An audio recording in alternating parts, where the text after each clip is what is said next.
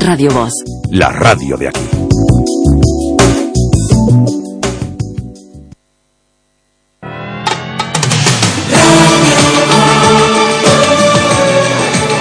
Radio Voz presenta Voces de Galicia. Con Isidoro Valerio.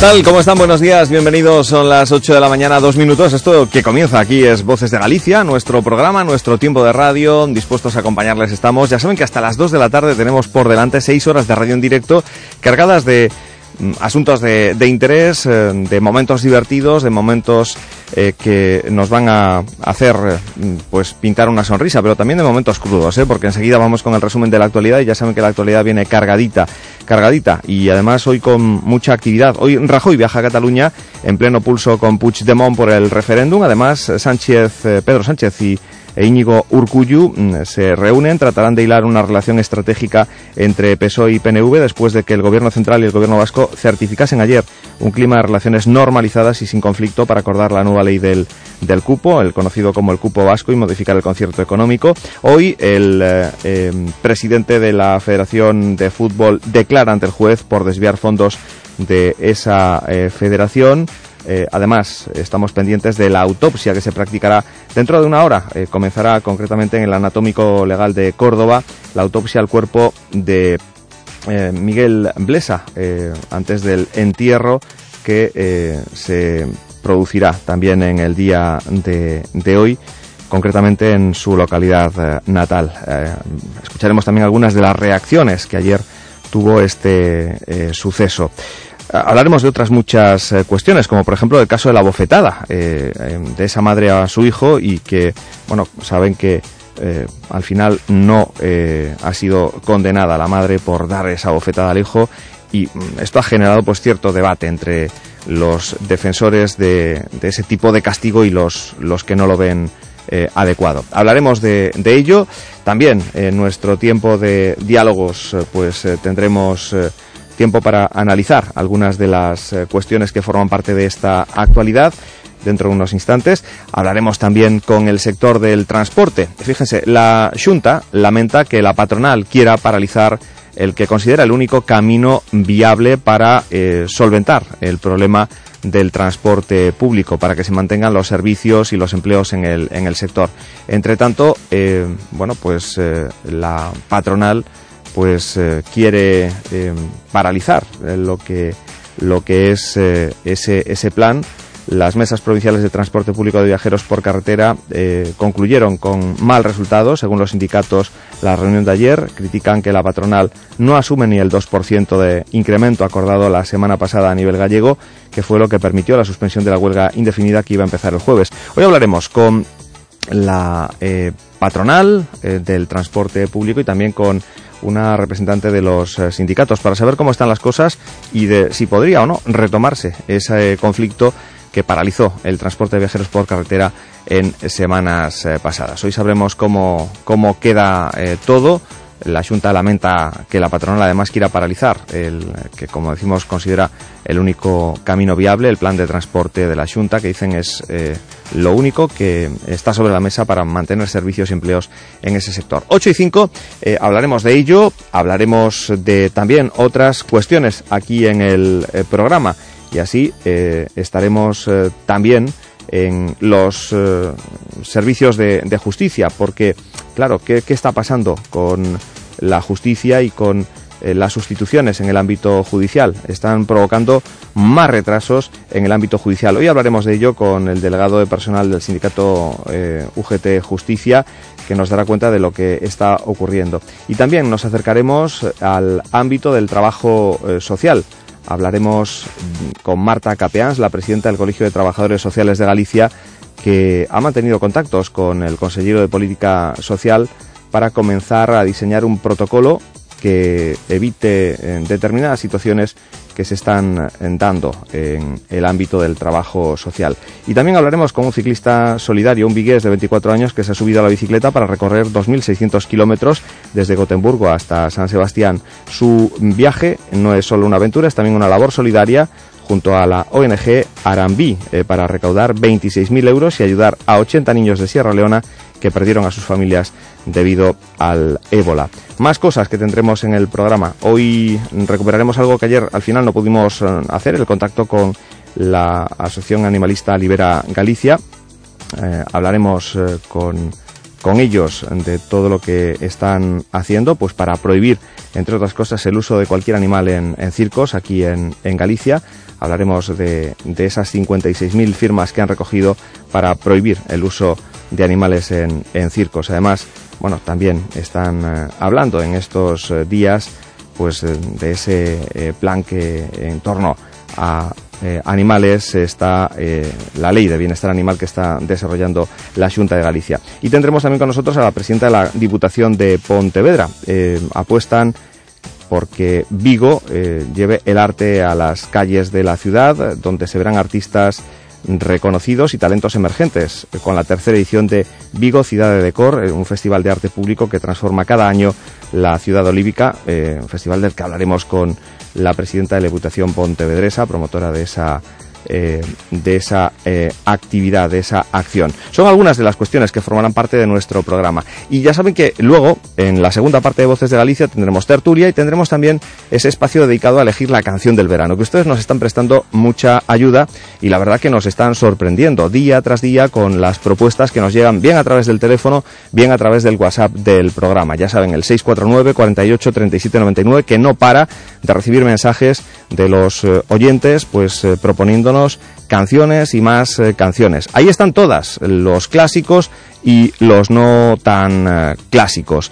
Eh, la verdad es que el Despacito, el Súbeme la Radio, por cierto, hablando del Despacito, ¿saben ustedes que ya tiene un nuevo récord? la canción de Luis Fonsi y Daddy Yankee es ya la canción más reproducida de la historia en las plataformas digitales, en las plataformas de streaming, según ha informado su discográfica Universal Music. El tema original y el remix de Justin Bieber superan en conjunto los 4.600 millones de reproducciones. Ahí queda eso, ¿eh?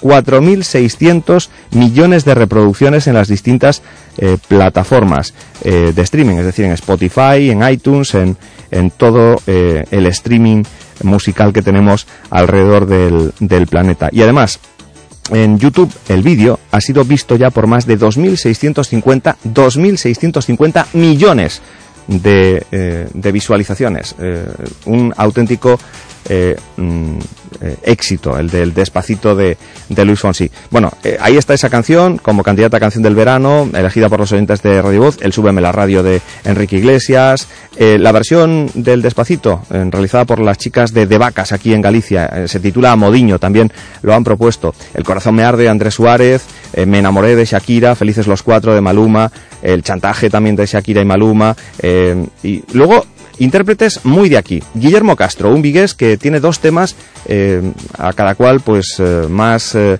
pegadizo para este verano. Lo proponen los oyentes.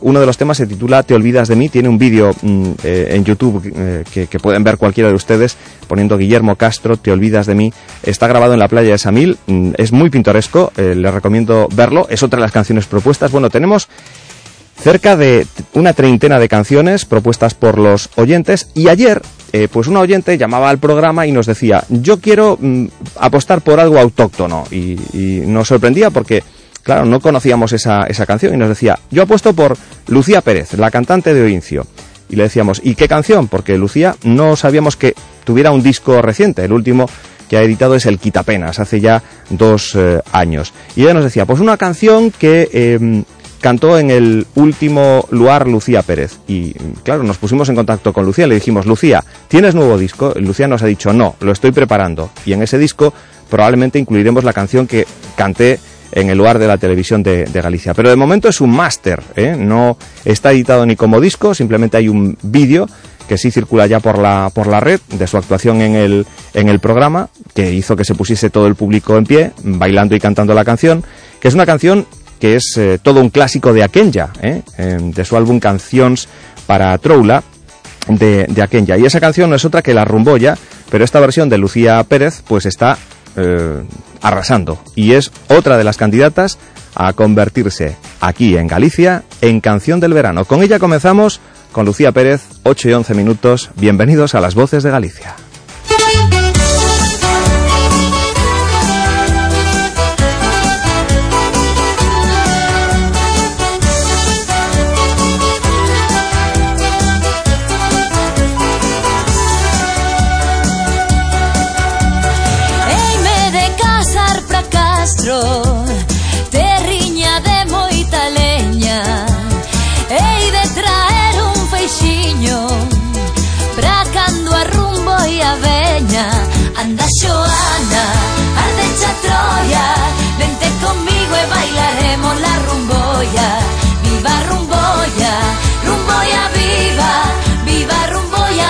Aunque sexa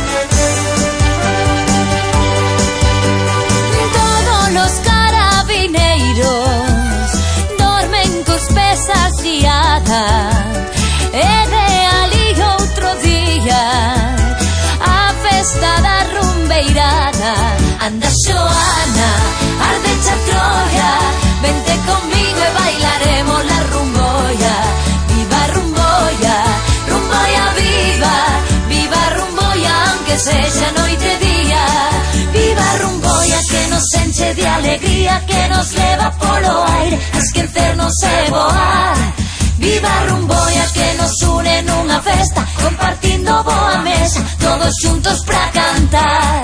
Anda Xoana, ardecha Troia Vente comigo e bailaremos la rumboia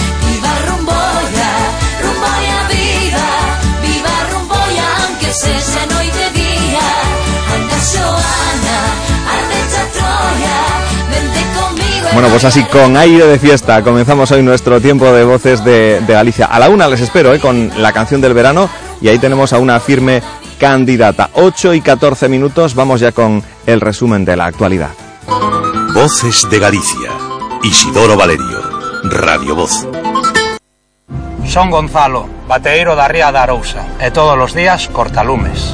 Lucía, 35 anos, cociñeira e cortalumes. Na loita contra os lumes tes moito máis poder do que pensas. Denuncias prácticas delituosas nos nosos montes e se ves lume, chama o 085. Faite cortalumes, Xunta de Galicia.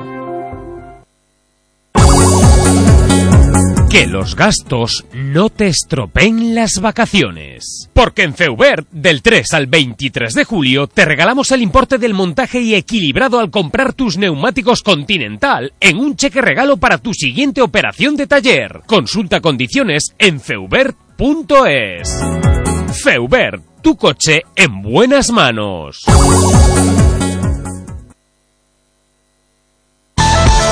VSN Sistemas Coruña. Llevamos más de 40 años ofreciendo servicios de impresión para empresas y autónomos desde 28 euros mes. Sí, 28 euros mes. VSM. Llámanos 981 242 744 y compruébalo.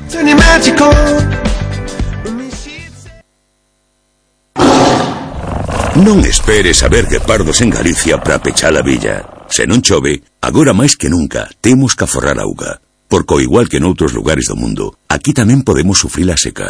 Usa a auga con cabeza. Este anuncio, como a auga, non o deixes correr. Xunta de Galicia. Galicia, o bo.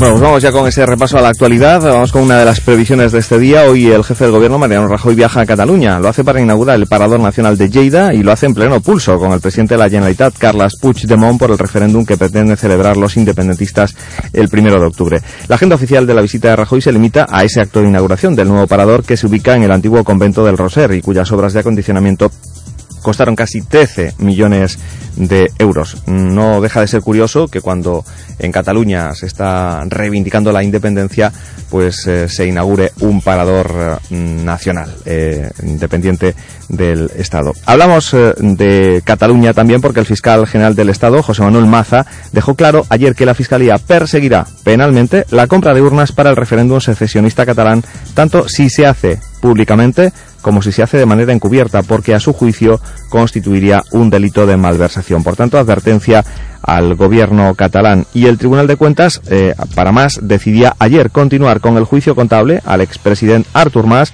por la consulta de 9N y nombrar a un delegado instructor para que determine si debe pagar con su patrimonio los costes de dicha jornada. Eh, Artur Mas ha considerado insólito e impresentable que el Tribunal de Cuentas haya dado un paso más para que él pague los gastos de la consulta soberanista del 9 de noviembre y ha asegurado que no tiene el dinero suficiente para hacer frente a esa condena. Y es que mm, eh, se calcula que el referéndum del 9 de noviembre costó 5 millones euros. Entre tanto, en Cataluña, los del Partido Demócrata Catalán están como a otra cosa eh, y han propuesto en el día de ayer la modificación del artículo, bueno, en esta semana lo han propuesto, ayer lo comunicaban en rueda de prensa, la modificación del artículo 3 de la Ley de Memoria Histórica para que los juicios políticos, ideológicos o de creencia ejecutados durante la dictadura franquista se declaren nulos y no tan solo ilegítimos. En opinión de la formación política catalana, el tiempo ha demostrado que la ley no funcionó porque objetivos como el de la nulidad, dicen, no se eh, cumplen.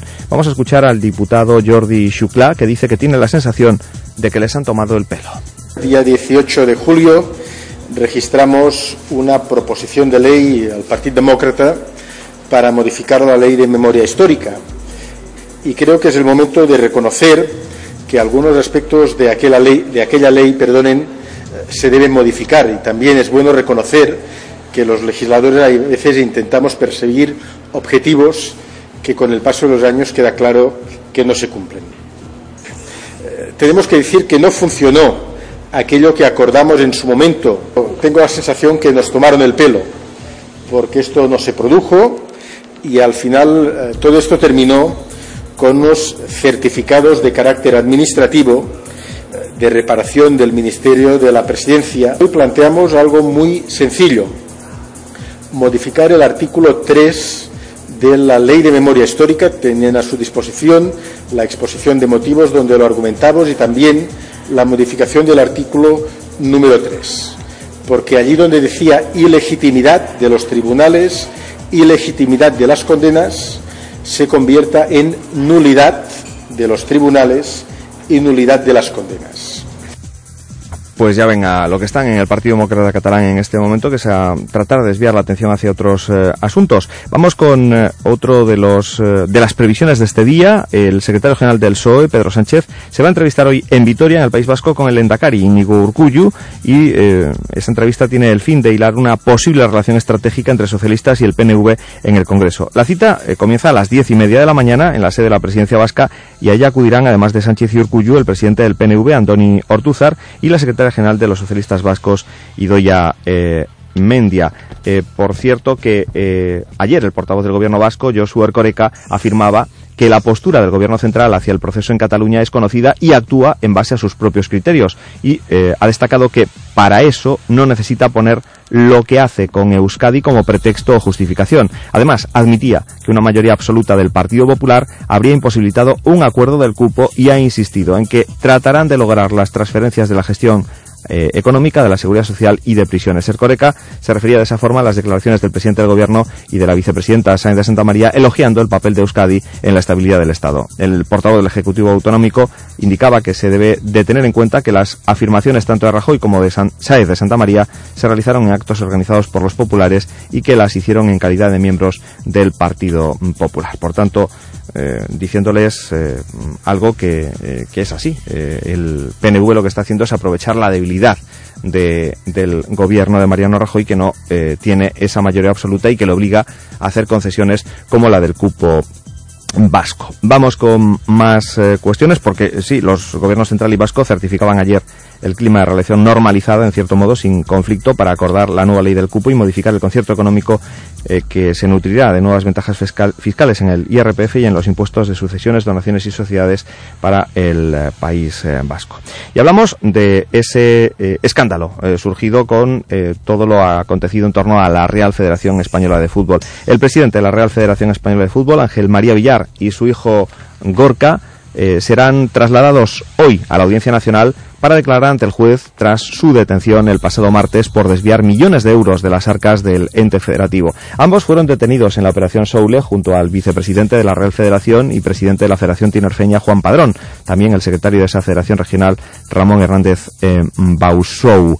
La Unidad Central Operativa de la eh, Guardia Civil investiga un saqueo millonario en las, en las arcas de la Real Federación Española, unas, en unas pesquisas que han puesto al descubierto supuestas prácticas corruptas en el mandato del presidente de la entidad, Ángel María Villar, que será acusado de fraude masivo por valor de decenas de eh, millones. Ayer supimos que cuando Jesús Samper, el que ostentaba los derechos de la eh, selección española, dejó de pagar su canon a la Federación de Fútbol, Ángel María Villar rompió el contrato, pero lejos de exigirle la deuda, le pagaron 20 millones de euros, algo así como una indemnización. Es lo que, según el diario El Mundo, activó las alertas en el Consejo Superior de Deportes que acabó llevando la denuncia ante la Fiscalía. A partir de ahí, la Guardia Civil ha encontrado indicios de tejemanejes con reventas, pagos a federaciones y derechos de los amistosos de la selección.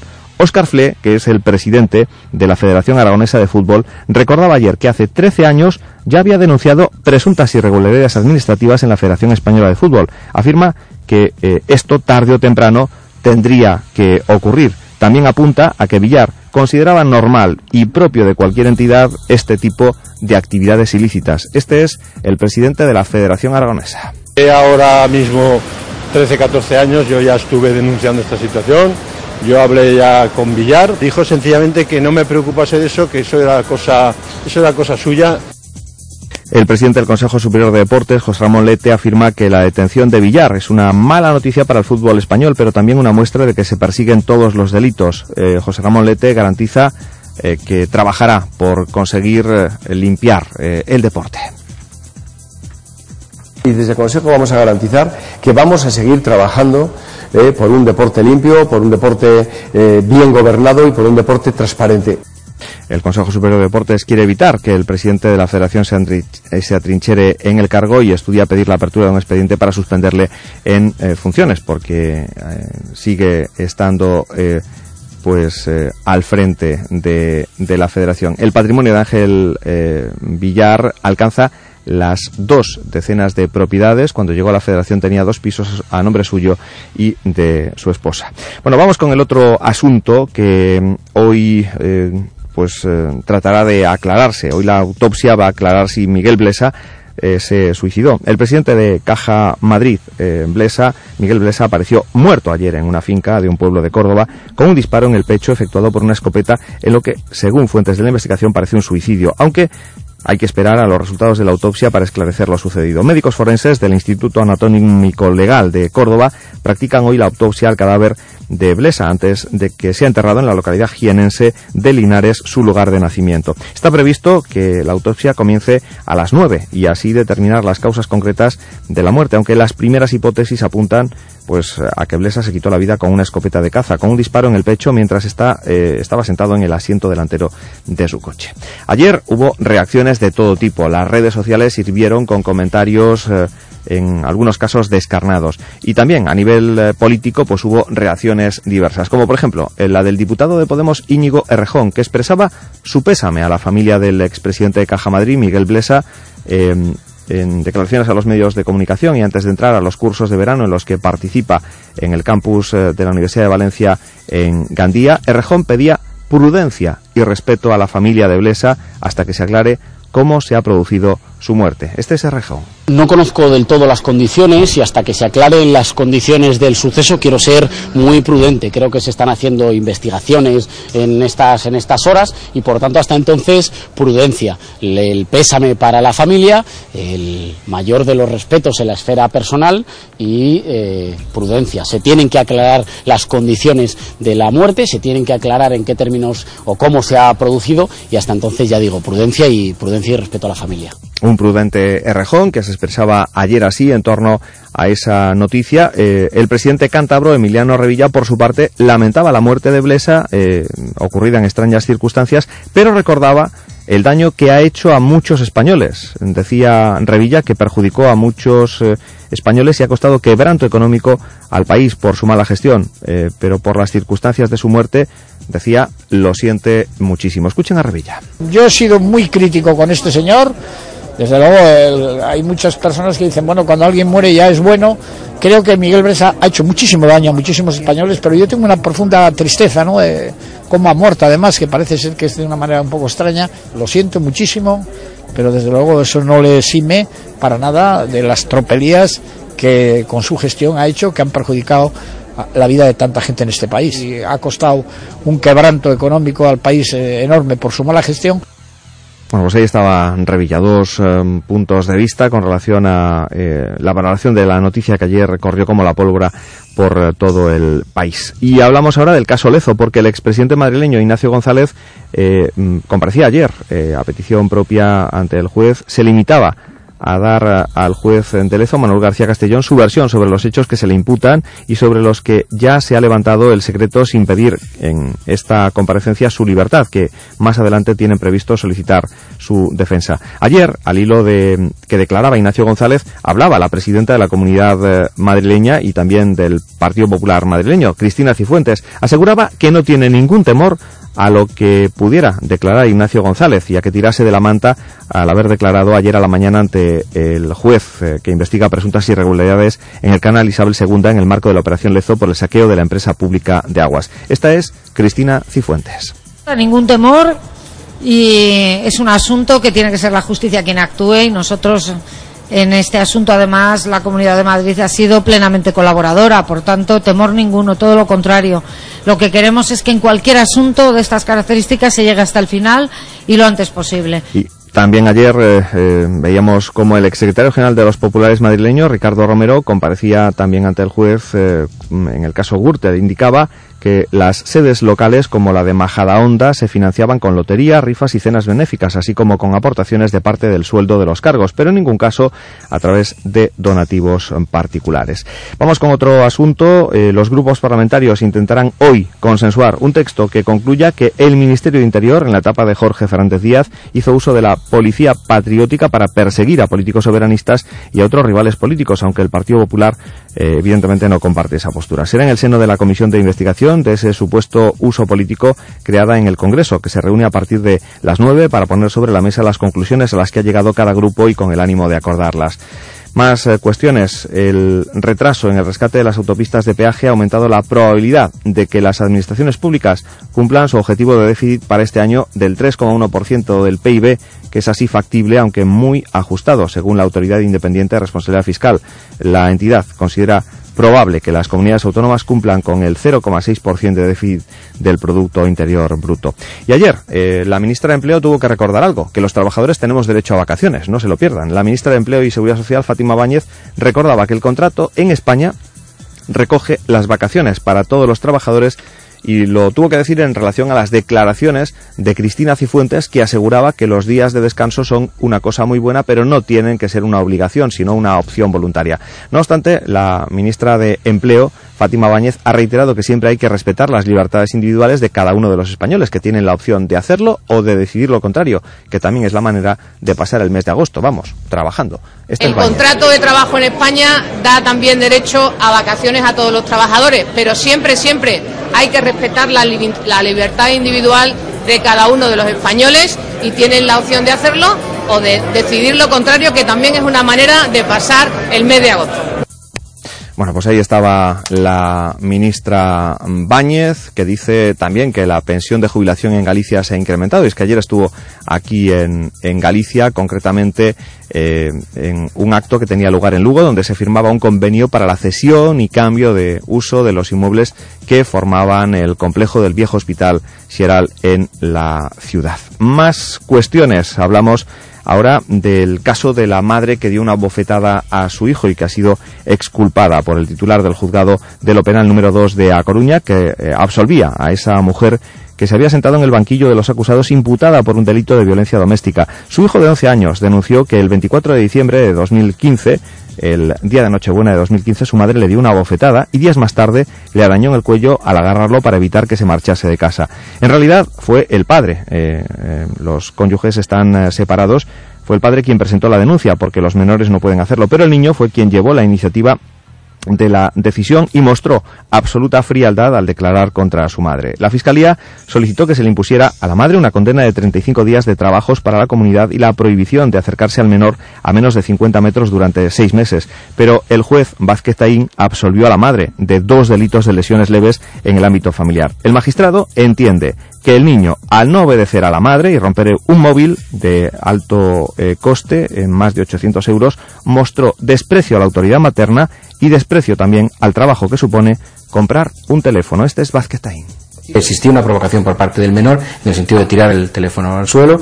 Eh, existía una provocación por parte del menor en el hecho de, pasado un tiempo, no fueron los dos muy seguidos, sino que mediaba unas semanas entre uno y otro, el de decir, me marcho de casa, como hace años, y que se quería marchar de casa y la madre se limitaba a agarrarlo. Considera una actitud de síndrome de emperador que busca humillar a su madre. Lo que ocurrió, el juez aclaraba que en ningún caso defiende el castigo físico, pero considera fundamental en su sentencia el que se trate de un hecho puntual y que no ha producido lesiones. Vázquez Si el Código Civil mantiene una obligación de formar y educar, tiene que dar algún tipo de potestad. No digo poder, digo de potestad, de algún tipo de facultad de corregir o de moderar a, los niños. Y eh, Claro, el debate está en la calle. Em, ¿Una bofetada a tiempo evita comportamientos más graves? Así opina eh, la gente en la calle. Siempre es mejor castigar, siempre hay otras opciones, ¿no? Es que te están quitando toda la autoridad, yo creo. Eh, que se ha pasado de un extremo al otro. Otra cosa serían malos tratos, que no es lo mismo que una bofetada. Ya que me has pegado y no me ha gustado, te voy a denunciar. Eso también hay como un poco ahí de falta de cariño. Destacaba esta madre que hay niños que, que, bueno, ya se la saben todas y amenazan a sus padres con denunciarlos en caso de que les den un cachete. Más cosas. Eh, hablamos del PSOE que pedía ayer que se constituya una comisión de investigación parlamentaria sobre las causas del accidente ferroviario del Albia ocurrido en 2013, así como la reapertura de una comisión técnica independiente al tiempo que confía en que el Partido Popular apoye ambas iniciativas. El PSOE formalizaba eh, ayer su cambio de postura sobre el accidente ferroviario de Angrois, registrando en el Congreso un escrito en el que pide crear una comisión de investigación para depurar responsabilidades políticas por ese siniestro que hace cuatro años se cobró la vida de 80 personas y dejó 144 heridos. A cinco días del cuarto aniversario de ese fatal suceso, el PSOE también ha presentado una proposición no de ley instando al Gobierno a reabrir la comisión de investigación técnica para reemplazar el informe que en su día elaboró la CIAF Aquel texto fue duramente criticado por la Agencia Ferroviaria Europea y es que solo identificó el exceso de velocidad y al maquinista como causantes de la tragedia. Esta es Pilar Cancela, ayer anunciando que solicitan esa comisión de investigación. Mientras exista alguna duda, no solamente a instancias de la Unión Europea, que lo ha manifestado reiteradamente, sobre la posible parcialidad o imparcialidad de, las distintas, de la comisión de investigación técnica que se desarrolló, yo creo que nosotros, por responsabilidad política, no podemos hacer dejación de nuestra obligación política de cumplir con la demanda de una sociedad que lo único que quiere es que se haga justicia y, sobre todo, para las víctimas, sus familiares y sus amigos, y sobre todo es una demanda social de un Estado de Derecho. Mientras el PSOE pedía ayer en Madrid esa comisión de investigación, aquí en Galicia la portavoz nacional del BNG, Ana Pontón, manifestaba que desearía que la noticia fuera que se abre en el Parlamento gallego esa comisión de investigación para depurar responsabilidades políticas del accidente de Angrois. Calificaba de vergonzoso que no la haya cuando la oposición unida podría activarla. Eh, el reproche iba dirigido precisamente a los socialistas gallegos. A mí o que me gustaría é que nos hoxe puidéramos estar registrando conjuntamente unha, unha de comisión de investigación no Parlamento de Galiza, porque se o fixéramos eh, os tres grupos que estamos na oposición, automáticamente hoxe mesmo poderíamos a ter creada esa comisión no Parlamento de Galiza. Y es que aquí en Galicia el PSOE se negó a hacerlo. El secretario general de los populares gallegos, Miguel Tellado, aseguraba que ni acepta ni tolera que se diga que su partido no apoya a los familiares de las víctimas del Albia, porque no es cierto. Le preguntaban por el cambio de postura del PSOE, que ha registrado la petición de una comisión de investigación en el Congreso, y Miguel Tellado ha dicho que no le sorprenden las actuaciones de Pedro Sánchez, basadas en complejos y bandazos ideológicos. La cuestión, dijo Tellado, es saber durante cuánto tiempo mantendrán la nueva postura sobre Angrois porque la incoherencia de los socialistas estos meses apunta es evidente. Miguel Tellado. Mire, o Partido Popular de Galicia está onde estivo sempre. Non como o PSOE, o Partido Popular de Galicia xa dixo que é partidario de facer unha investigación unha vez que se conclúa o proceso judicial non mezclalo todo eh, e polo tanto nos creemos que o que non hai que facer é interferir no proceso judicial que está en marcha, na investigación judicial que está en marcha. E creemos que o lugar para facer esa investigación de facerse, cando chegue o momento, é o Congreso dos Deputados. Bueno, pues ahí estaba Miguel Tellado. Por su parte, la portavoz de María en el Congreso, Yolanda Díaz, celebraba que el PSOE cambie de posición y pida una comisión de investigación sobre el accidente del Albia, aunque no descarta aún una actuación conjunta. Ya ha avanzado que Unidos Podemos apoyará todas las iniciativas en favor de las víctimas. Y antes de irnos con los diálogos de actualidad, hablamos de la presentación el martes del Plan Funcional y de Espacios del llamado Gran Montecelo, que tuvo lugar en Pontevedra. El presidente Feijó suscitaba eh, con, eh, lo que presentó el martes en eh, Pontevedra una cascada de valoraciones entre profesionales, sindicatos, asociaciones de pacientes y vecinos. Fijó anunciaba el martes el plan y decía esto. Hacer 39.000 metros cuadrados máis do hospital. 39.000 metros cuadrados de hospital, para entendernos, son dous hospitais comarcais. O Hospital de Burela ten unha superficie aproximada de 15.000 metros cuadrados. Hospital do Salnés, unha vez ampliado, ten unha superficie de 23.000 metros cuadrados Si vamos a construir 40.000 metros cuadrados máis, o que estamos facendo é dous hospital comarcais novos. Unha vez que teñamos esos 40.000 metros cuadrados de superficie hospitalaria, vamos a reformar o hospital actual, o Hospital de Montecelo, el eh, plan funcional dejó reacciones en el plano político. El alcalde de Pontevedra, Miguel Ancho Fernández Lores, se quedó con las palabras del presidente de la Junta de que el nuevo hospital no tiene marcha atrás. El regidor dio por bueno el calendario anunciado por Sanidad. Habló de plazo razonable de tiempo porque eh, sabe de las dificultades administrativas de tramitar proyectos complicados.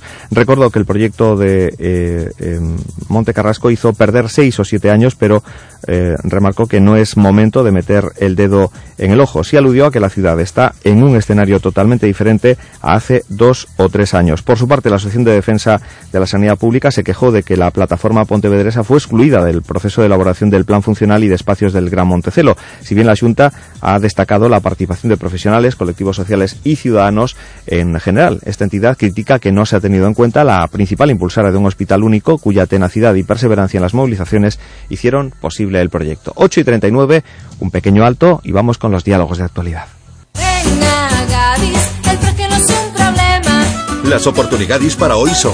En carnicería, traseros de pollo, kilo, un euro con 95 céntimos. En frutería, melón verde, kilo, 49 céntimos. Y en pescadería, rodaballo gallego 2 a 2,5 kilos, enteros o mitades, kilo, 8 euros con 95 céntimos. Solo hoy y solo en Gadis. Colaborador del acontecimiento Prevención de la Obesidad. Aligera tu vida. Mira, co que me custou encontrar casa, pensei que hipoteca sería imposible. Pero en Pastor, un xestor falume da hipoteca Cereza e unha guía de todo o que necesitaba facer. Total, mañá asino. E pasado celebrámolo. Infórmate ou consulta condicións da hipoteca Cereza en bancopastor.es. Oferta válida do 31 de outubro de 2017. Empresa colaboradora do Bicentenario do Teatro Real. Non esperes a ver rinocerontes en Galicia para pechar a villa. Se non chove, agora máis que nunca temos que aforrar auga. O igual que noutros lugares do mundo, aquí tamén podemos sufrir a seca. Usa a auga con cabeza. Este anuncio, como a auga, non o deixes correr. Xunta de Galicia. Galicia, o bo camiño. Que los gastos no te estropeen las vacaciones. Porque en Feubert, del 3 al 23 de julio, te regalamos el importe del montaje y equilibrado al comprar tus neumáticos Continental en un cheque regalo para tu siguiente operación de taller. Consulta condiciones en feubert.es. Feubert, tu coche en buenas manos.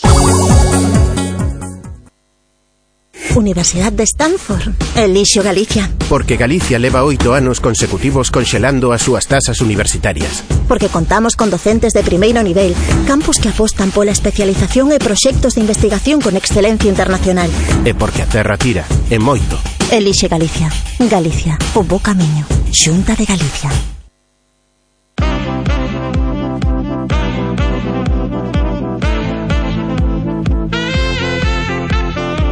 Estás escuchando Radio Voz. Si quieres participar, puedes hacerlo llamando al 981 13 44 33. Hoy con nosotros Alfonso Cid y Manuel Salgueiro en este tiempo de diálogos de actualidad. Alfonso, buenos días. Muy buen día. Eh, Manuel Salgueiro, buenos días. ¿Qué tal? ¿Cómo estamos? Hola, buenos días, Alfonso, también. ¿Qué tal? ¿Cómo, cómo andamos? A ver, eh, mm, tenemos eh, una jornada con muchos frentes abiertos, la autopsia Blesa, Villar que eh, hoy mm, pasa a declarar ante el, ante el juez tras su detención el, el martes. Y en el clave gallega pues ahí tenemos esa comisión de eh, investigación parlamentaria sobre las causas del accidente del Albia eh, que ayer pedía el Partido Socialista en, en Madrid en el, en el Congreso y que ha sido criticado desde aquí desde Galicia pues por la portavoz nacional del BNG Ana Pontón que dice que eh, es curioso que el PSOE no propiciase esa comisión de investigación en el Parlamento de, Galicia. ¿Cómo veis esta, esta cuestión que ayer pues generó cierto, cierto debate por mm, esa dualidad eh, que muestra el Partido Socialista con relación a, a investigar lo, lo ocurrido y a dirimir responsabilidades políticas en, en cuanto al accidente de Angrois, del que en pocos días se cumplirá eh, el aniversario, triste aniversario? ¿Cómo lo vemos? Bueno, pues la verdad es que el Partido Socialista nos tendría que dar una explicación, ¿no?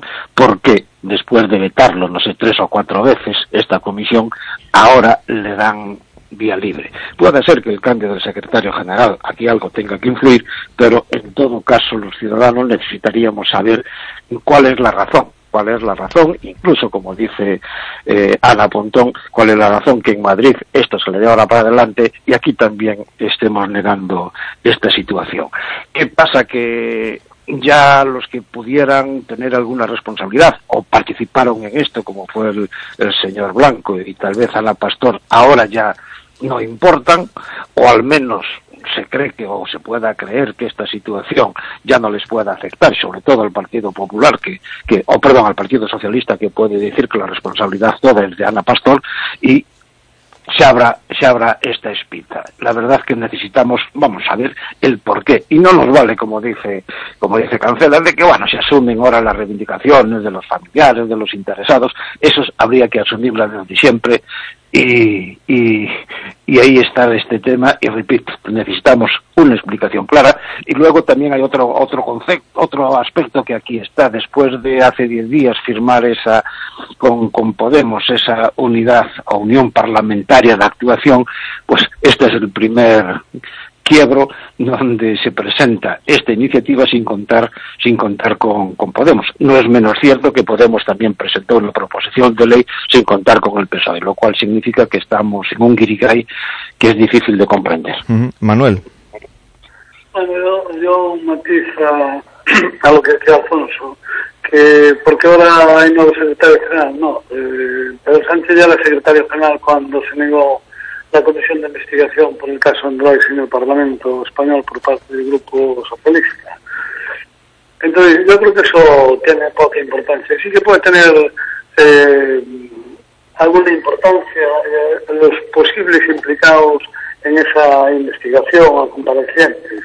Eh, ¿Recuerdas que la semana pasada hablamos de las comisiones de investigación? Sí. Eh... Yo dije que las comisiones de investigación, mientras en el Parlamento eh, no sean más serias y, y, y, que es un instrumento copiado del Parlamento americano y, y, sean como son allí, que, que sus resoluciones son casi definitivas, pues no valen para nada. Y, y aquí, además, como ese tema está siendo investigado por el juez yo creo más en la acción de la justicia que ahora que se monte una comisión de investigación, eh, pues no sé, uno bastantes años después del, del accidente. Uh -huh. En todo caso, si eso da satisfacción a las víctimas que lo venían reclamando desde el primer día, pues me parece muy bien. Pero en todo caso creo que debería haberse hecho caso eh, ya en el primer momento. Ya en este, y en este asunto, además, eh, hubo un caso muy relevante y significativo, en mi opinión, que es una parlamentaria del Partido Popular que viajaba en, el propio tren, que salió afortunadamente con vida y que acabó dejando el Partido Popular y el escaño en el Parlamento de Madrid porque su partido no uh, atendía sus propias reivindicaciones de investigar el accidente. Uh -huh. Bueno, ahí está el, el, asunto. Por cierto, que eh, da la impresión de que aquí dedicamos mucho tiempo a comisiones de investigación, lo hablábamos la semana pasada, que luego nunca desembocan en, en nada, más que en dar titulares pues eh, grandilocuentes, pero que eh, acaban por no resolver nada. Si eh, montan una escandalera tremenda con las cosas que escuchamos en esas comisiones de investigación, ¿no? Y luego, por otra parte, va la vía judicial que, como va lento, pues eh, siempre tarda mucho en, en, resolver. Pero da la impresión de que todo esto se está utilizando para evitar, eh, tanto por parte del gobierno como por parte de la oposición, afrontar los eh, auténticos problemas urgentes que tenemos en este país. Solventar, pues, el, el problema que, que tenemos en el ámbito de las pensiones, en el ámbito educativo, en el de política fiscal, en el plan hidrológico y un largo etcétera de temas que parece que no, que no interesan plano, a los políticos, y, ¿no? Y, y, en el plano territorial. También, no con, lo de, con, lo de, Cataluña, claro, pero que, que, también parece que se está prolongando más de lo debido darle una solución a ese, a ese conflicto. Hoy lo, lo explica muy bien eh, José, José, Luis Barreiro en su comentario en La Voz de Galicia, hablando de lo que ayer decía Josu Ercoreca, el portavoz del gobierno vasco, que decía que la postura del gobierno central eh, con relación a Cataluña es conocida y que eh, no necesita poner lo que hace en Euskadi como pretexto o justificación de cómo se deben hacer las cosas, ¿no? Dice que ellos lo que han aprovechado es la debilidad del gobierno, pues para sacar partido y réditos eh, de cara a Euskadi con el con el cupo vasco que ayer eh, sobre el que ayer alcanzaban pues ese, ese acuerdo que refrendaban oficialmente, ¿no? Eh, no sé cómo veis este este tema, si si realmente eh, los partidos políticos están jugando al despiste en lugar de eh, hacer lo que tienen que hacer, que es resolver los problemas que afectan directamente a los ciudadanos y que son pues todos esos y alguno otro que de los que hemos enumerado. Bueno, algunos partidos, como está demostrando el PNV, sí resuelven sus problemas con los sí, ciudadanos. Sí. Lo, lo que habla Minudo y además en ese, este artículo de Barreiro Rivas donde nos viene diciendo cuál es la premisa principal del PNV. Bueno, que la política del Estado le tiene sin cuidado ¿no?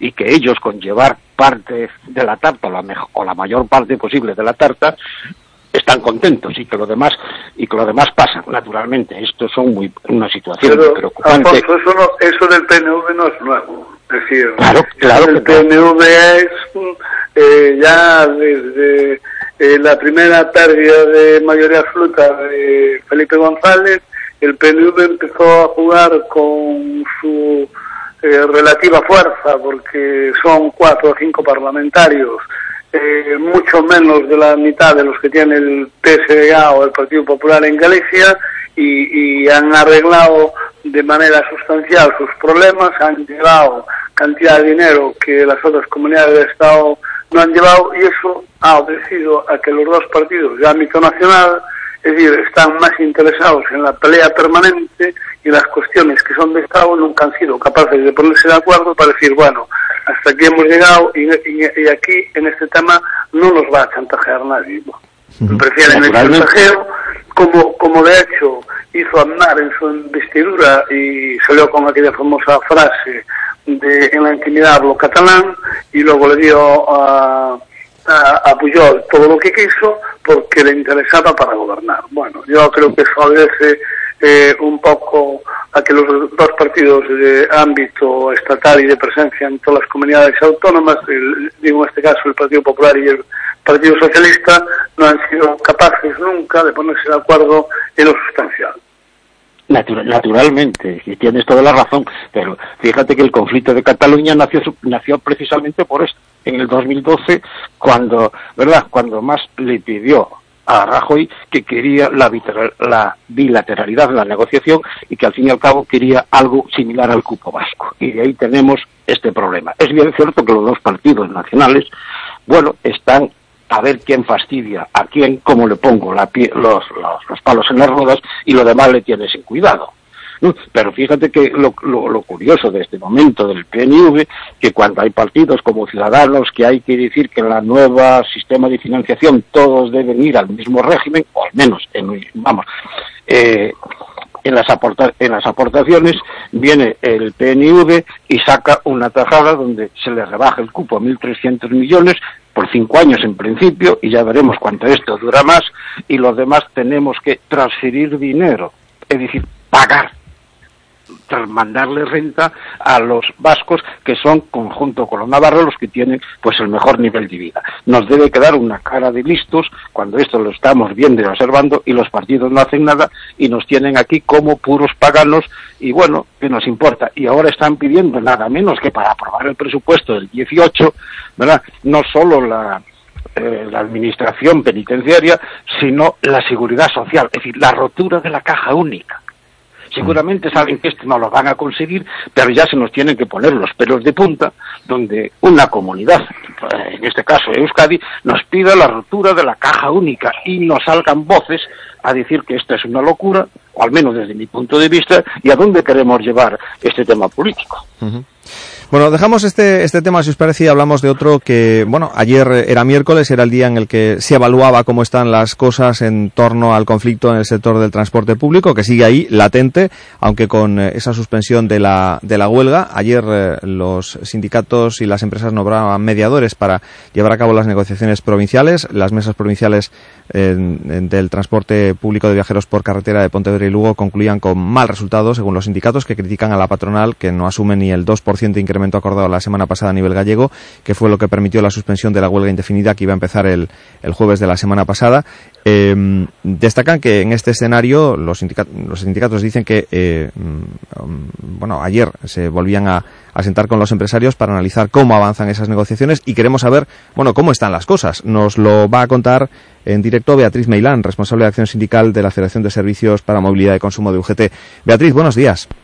Hola, buenos días. A ver, ¿cómo están las cosas? ¿Cómo quedaron? Bueno, porque hay eh, entre la Junta y la patronal eh, lío ya, ¿no? Porque han interpuesto ese recurso, la patronal, contra el plan de transporte de la, de la Junta, que la Junta lo lamenta y dice que eh, tiene plenas garantías jurídicas ese plan de transporte. mm, está avalado por la, eh, por la CE, decía ayer la Consellería a través de un, de un comunicado. Eh, Ese es uno de los, de los flecos del, del asunto, pero el otro es el de la negociación de los convenios eh, provinciales. ¿Cómo están las cosas y qué posibilidades hay de que eh, se eh, deje de estar suspendida esa, esa huelga que decíais suspender la pasada semana? Bueno, pues eh, por partes, ¿no? En la parte del conflicto entre la Consellería y, y la patronal con respecto al plan de transportes, pues bueno, aquí como sucede en la vida habitual en cualquiera de nosotros, ¿no? Cuando dos partes no están de acuerdo en algo y no consiguen llegar a un entendimiento, pues la justicia es la que debe de, indicar, ¿no? Lo que procede eh, y quién tiene la razón, ¿no? Entonces, bueno, en ese sentido, pues eh, entendemos que las patronales estarán reclamando, obviamente, algo que ellos consideran que es justo y que está en su derecho, y la justicia tendrá la última palabra. Entendemos que la Consellería, lógicamente, ¿no? Y la Junta, pues entendemos que habrá contrastado previamente los términos jurídicos, ¿no? Del, del plan, pero bueno, pero en fin, esa ya no es por así decirlo por el momento, hasta que se resuelva una, un, un, asunto nuestro, ¿no? que no, no está en nuestra conversación ah, una, con los una, empresarios. una, vez que se judicializa, judicializa puede tardar lo suyo. Evident, ¿no? Evident, evidentemente, y evidentemente, mm, en un sentido o en otro, tendría, tendría consecuencias. Mm, yo no quiero dejar de reiterar que nosotros hemos siempre manifestado nuestra oposición al plan, ¿no? Uh -huh. Pero nuestra oposición al plan por, much, por muchos motivos que hemos expuesto y no nos vamos a reiterar pero mmm, pero llegado a un acuerdo no eh, fundamental y para nosotros positivo en lo que era el tema de, de subrogaciones sí. y, y, que afectaba las condiciones laborales pues bueno nosotros entendemos que está subsanado y ya pues lo que la justicia tengo que decir estaremos a expensas de ello como todos los ciudadanos no uh -huh. Y luego por, por, por la parte que se, que se refiere a la negociación con los empresarios, pues efectivamente, como estabais diciendo, pues lenta, ¿no? Eh, inició se inició la semana la semana esta semana el lunes y el martes con sendas reuniones en, en La Coruña y en, y en Pontevedra y en Lugo y en Orense. Y bueno con resultados diferentes no en La Coruña sí que aunque no fue exitosa ni mucho menos porque no hemos llegado a ningún acuerdo pero sí que sí que se asumió el compromiso que se había adquirido en la mesa del de transporte de viajeros de Galicia eh, realizada en el Consejo, en el que habíamos llegado a un acuerdo para suspender la huelga el pasado día 12. Eh, en el resto de las provincias, pues incluso se llegó a negar esta realidad, ¿no? Entonces, bueno, en la reunión que mantuvimos ayer, pues eh, lo que se ha decidido, ¿no? Y mm, a través de la mediación de, la presidenta del Consejo de Relaciones Laborales, pues es la incorporación ¿no? en las mesas provinciales eh, delegadas ¿vale? Para la negociación de incorporar la figura de mediador ¿no? en cada una de ellas. Eh, y bueno, pues de esta manera que obviamente su primer paso será eh, recoger en acta que efectivamente esto es así, ¿no? que hay ya un compromiso de un 2% de subida salarial desde el momento en la firma del acuerdo, el día 12, como os decía, y que y a partir de ahí empezar la negociación, que obviamente en cada provincia, y puesto que las circunstancias son distintas y parten de convenios totalmente distintos y situaciones distintas, pues pues eh, llegará a, seguramente a puertos distintos, ¿no? Uh -huh. O a máximos distintos. Bueno, o sea que... Y bueno, pues eh, esperamos que a partir de ahí, pues pues eh, comience realmente la negociación. Entonces, bueno, en, e en, este momento, ayer hubo asambleas en, en todas las estaciones de autobús, bueno, en las estaciones de autobuses principales, para valorar por parte de los trabajadores eh, bueno esta situación no el avance que se había dado en este sentido. Y eh, incluso proponer la suspensión de la huelga hasta el día 2 no uh -huh. porque efectivamente la semana que viene hay un día festivo no que es el martes. Entonces las reuniones eh, eh, con las provincias serán los miércoles y la de la mesa será el próximo jueves. Entonces eh, implicaría el jueves por la noche tener otra reunión para solo ya unos días que quedan hasta el día 2, entonces hemos eh, valorado el, el posponerla ya todas hasta el día 2, ¿no? que es la última reunión, la fecha tope que teníamos para llegar a un acuerdo. Uh -huh. Y si no hay acuerdo, pues evidentemente volvería la, la movilización, que esperemos que se llegue bueno, a, a acuerdo. ¿no? Mm, obviamente, esa es la primera posibilidad, ¿no? Y la más lógica, y si no, pues yo entiendo que no hay solo esa posibilidad, ¿no? Pero vamos, en principio esas son las opciones. Uh -huh. Hasta el día 2 tenemos de plazo para acordar y si no, pues habría que valorar otra vez eh, la, el reanudar la huelga. Bueno, pues esperemos que todo vaya bien Pero y que, que, se vaya desbloqueando. Sí, sí, sí, rápida, rápidamente que estamos en límite sí. de tiempo. Mira, eh, buenos días, Manuel. Eh, una cuestión. ¿Tú no prevés que que en esta negociación colectiva con cuatro convenios colectivos distintos, uno en cada provincia, que podáis alcanzar un acuerdo en la provincia de Coruña y que el acuerdo en las provincias de Valencia y Lugo esté mucho más difícil, dada la complejidad del sector en estas dos provincias y, y en parte por las nuevas concesiones que va a hacer la Junta de Galicia y la poca rentabilidad de ellas para los propios empresarios. Beatriz, en 30 segundos, por favor, que no tengo más tiempo. Eh, Pues muy breve. Eh, sí, sí está contemplado. Lo que pasa es que no podemos olvidar que esto es una huelga a nivel de Galicia y que los planes afectan ahora a algunas provincias, pero en el futuro van a afectar a todas. Bueno, pues dicho, dicho queda. Respuesta en breve porque no tenemos tiempo para más. Eh, agradecer a Beatriz eh, Meilán que haya estado con nosotros en directo y también a Alfonso Cid y a Manuel Salgueiro, nuestros dos eh, comentaristas y tertulianos en esta mañana. Eh, gracias Alfonso, gracias Manuel. Hasta la próxima semana. Un abrazo. Gracias. Un abrazo. Es jueves Gracias, 20 de julio. Estamos en Radio Voz. Camino de las 9 en punto de la mañana. Volvemos enseguida.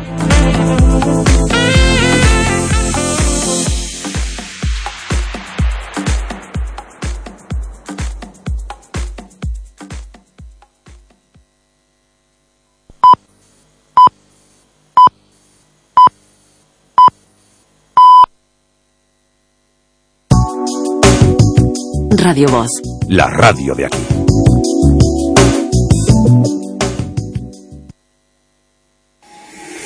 Galicia latexa con forza dentro de nós. Imos celebrar todo o que nos une.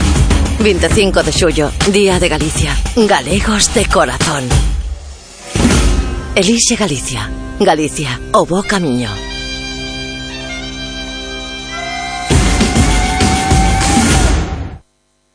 ¿Todavía con humedades en casa? Este verano di adiós a las humedades definitivamente con Hogar Seco, los expertos en humedades. Además de un diagnóstico totalmente gratuito, Hogar Seco tiene unas ofertas muy atractivas para que no sufras otro invierno con humedades. Llama al 900-828-938 o visita hogarseco.com. Hogar Seco y di adiós a las humedades.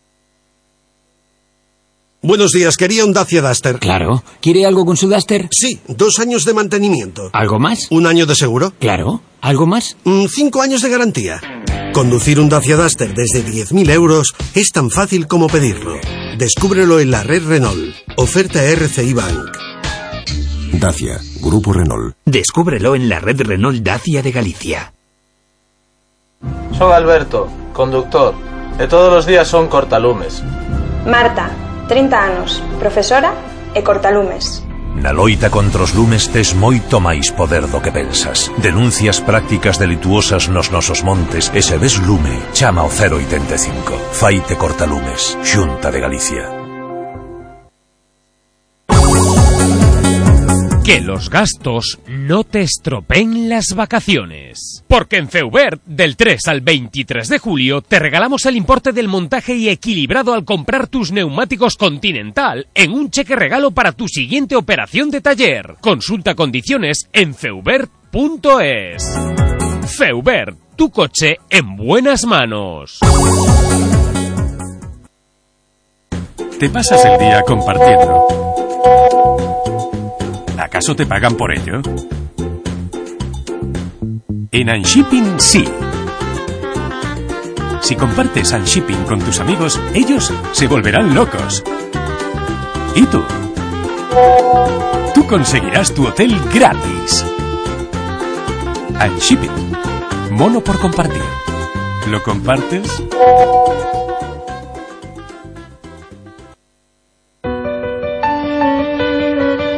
Residencia Geriátrica Nuestra Señora de Fátima, en el centro de Obarco de Valdeorras, en Ourense, al lado del centro de salud.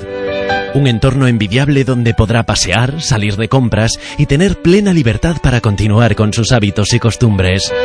Para autónomos y dependientes con todos los servicios más profesionalizados de geriatría. Habitaciones individuales y compartidas, cocina propia con tres menús diarios. Somos los más baratos. Busque y compare. No encontrará un precio mejor. Nos adaptamos a sus posibilidades. Residencia Geriátrica Nuestra Señora de Fátima. Su bienestar, nuestra razón de ser. Llámenos al 988-321-516 y le informaremos.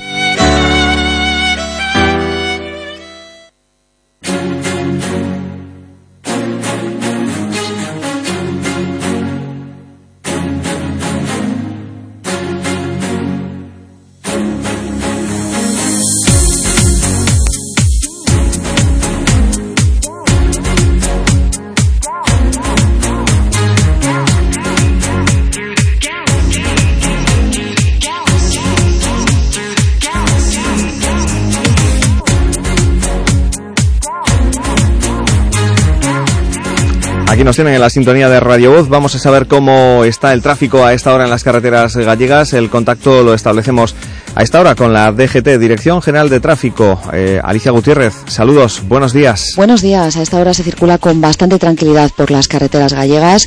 El tráfico es fluido y es cómodo y vamos a hacer referencia a las obras únicamente en algunos tramos en Ourense, sobre todo en la A52, en Opereiro. Circulen con cuidado porque están cortados carriles a la altura del kilómetro 118. Es todo.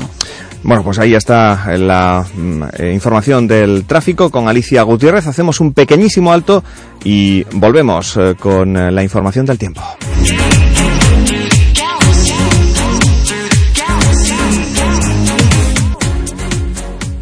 Hai un lugar onde conseguimos reunir os ingredientes naturais da nosa terra, dunha calidade excepcional, coa garimo e sabias das nosas nais e aboas. En Dacuña podes atopar o pan máis tradicional, as empanadas máis sabrosas, os doces máis sorprendentes, nos que prevalece a esencia do auténtico, o sabor de sempre, da cuña, da casa. Non esperes a ver elefantes en Galicia para pechar a villa. Se non chove, agora máis que nunca, temos que aforrar auga. O igual que noutros lugares do mundo, aquí tamén podemos sufrir a seca. Usa a auga con cabeza. Este anuncio, como auga, non o deixes correr. Xunta de Galicia. Galicia, o bo camiño.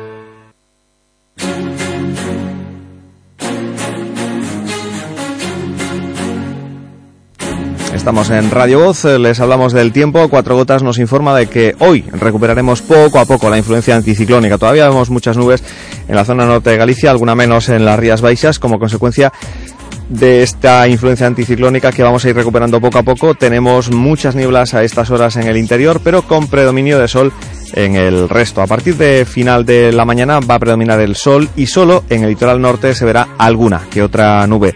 Poco a poco, a partir ya de mañana, se vuelven a recuperar las temperaturas veraniegas, aunque volveremos a comenzar el día con muchas nieblas también mañana viernes. El fin de semana será con un sol que predominará en general en toda Galicia. Así viene el tiempo y así pueden comprobarlo en la web de cuatrogotas.com con esos mapas que nos explican, bueno, la evolución, pues en los diferentes eh, periodos de, del día. Eh, primera hora, mediodía y, y tarde, noche, para que tengan un poco eh, conocimiento de cómo va a pintar el, el día. Así vienen las próximas jornadas con ese esa vuelta al verano eh, que va a ser progresiva después de ese impasse que ayer tuvimos con ese día marcado por las precipitaciones, débiles precipitaciones, pero también por la abundante nubosidad que no nos permitió prácticamente ayer ver el sol. 9 de la mañana, 7 minutos. Enseguida repasamos la actualidad con nuestros compañeros de la redacción digital de La Voz de Galicia. Residencia Geriátrica Nuestra Señora de Fátima, en el centro de Obarco de Valdeorras, en Ourense, al lado del centro de salud. Un entorno envidiable donde podrá pasear, salir de compras y tener plena libertad para continuar con sus hábitos y costumbres. Para autónomos y dependientes con todos los servicios más profesionalizados de geriatría. Habitaciones individuales y compartidas, cocina propia con tres menús diarios. Somos los más baratos. Busque y compare. No encontrará un precio mejor. Nos adaptamos a sus posibilidades. Residencia Geriátrica Nuestra Señora de Fátima. Su bienestar, nuestra razón de ser. Llámenos al 988-321-516 y le informaremos. Universidad de Stanford, Elixio Galicia. Porque Galicia leva oito anos consecutivos conxelando as súas tasas universitarias. Porque contamos con docentes de primeiro nivel, campus que apostan pola especialización e proxectos de investigación con excelencia internacional. E porque a terra tira, e moito. Elixe Galicia. Galicia, o bo camiño. Xunta de Galicia.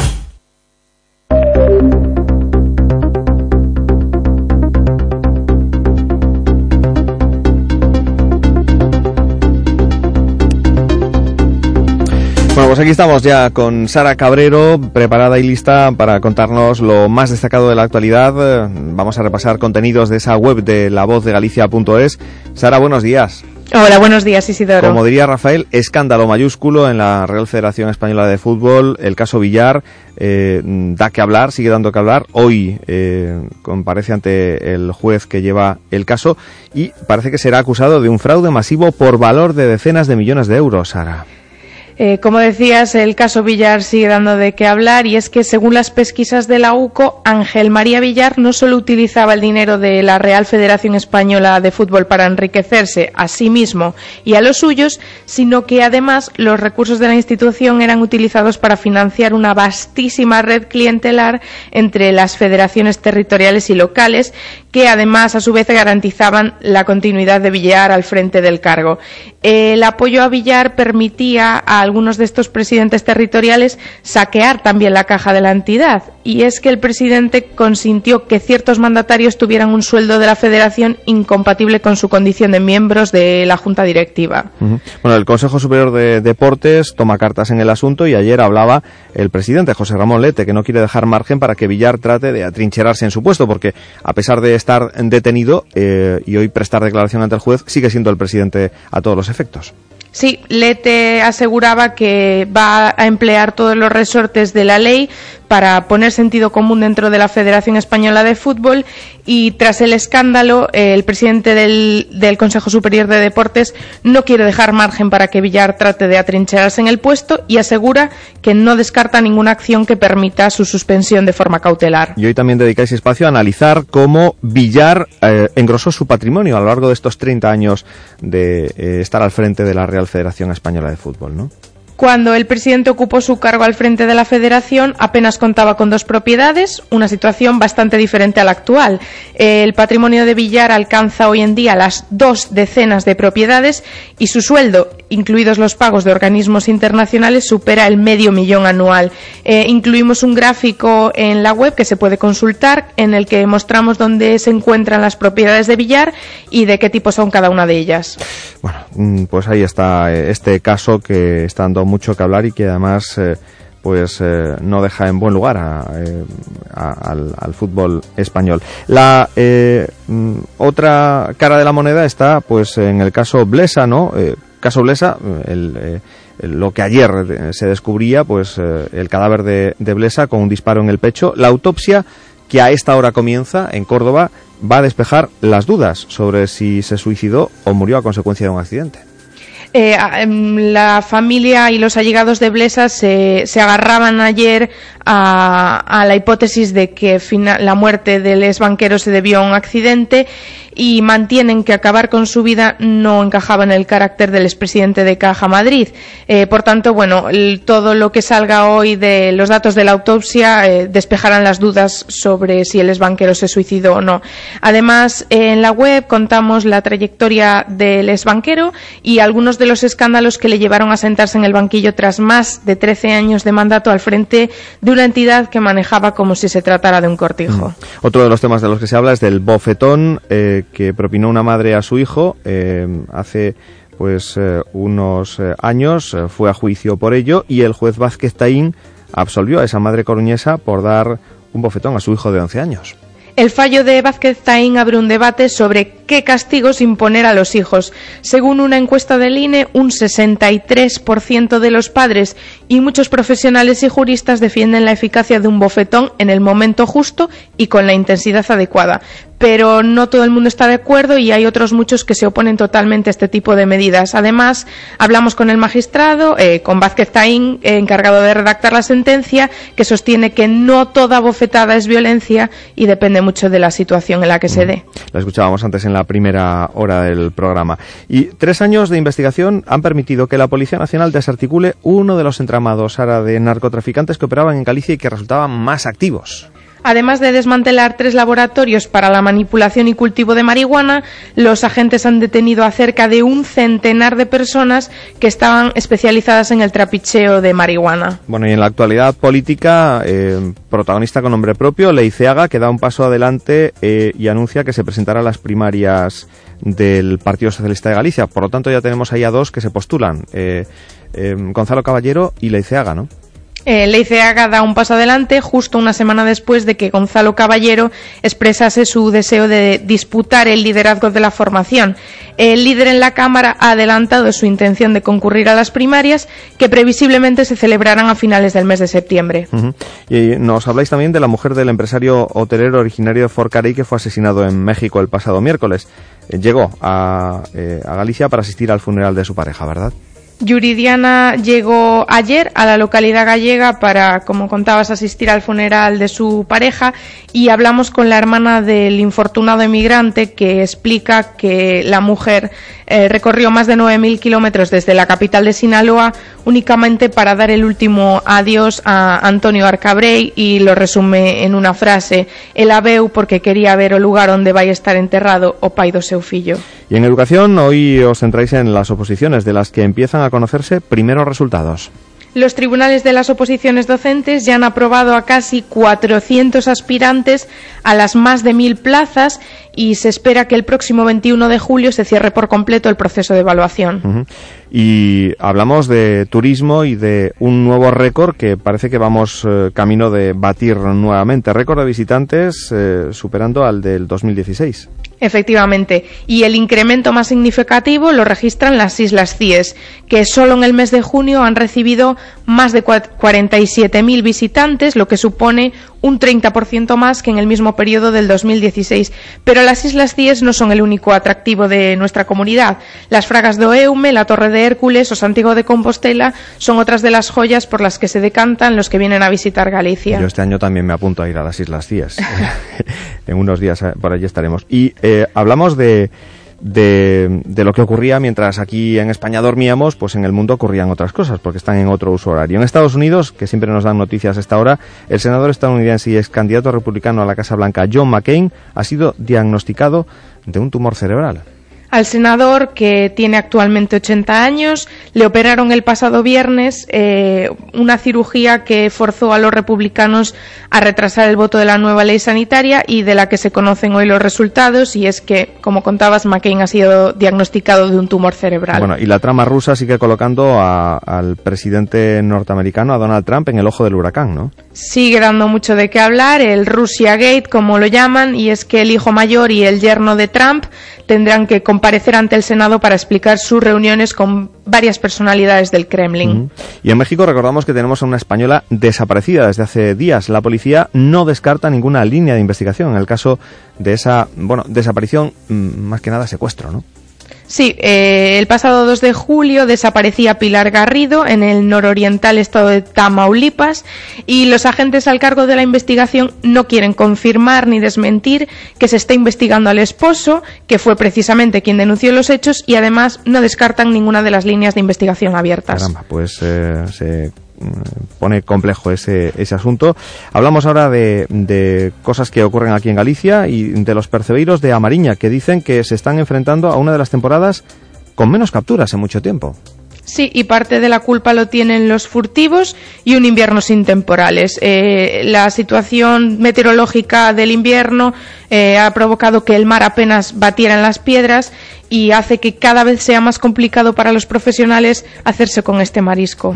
Multa y pena de un año de prisión para una mujer en Ferrol. Eh, desvalijó el piso de alquiler en el que vivía y además eh, a mala fe dejó comida escondida para que se pudriese y estropease la vivienda, ¿no?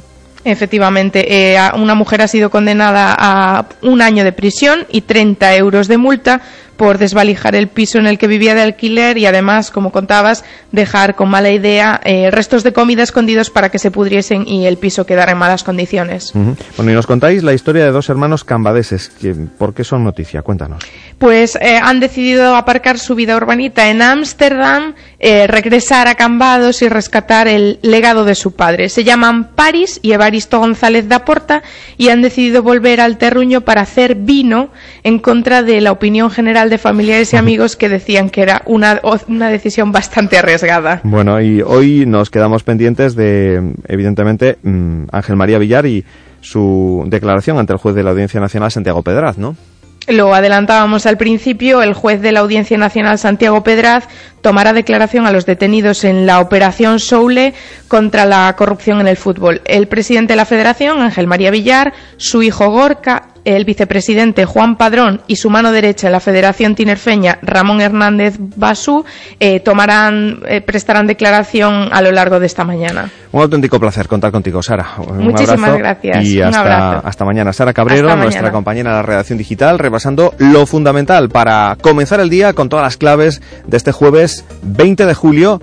Vamos ahora con las claves deportivas, las que maneja nuestro compañero Alberto González. Alberto, ¿qué tal? Buenos días.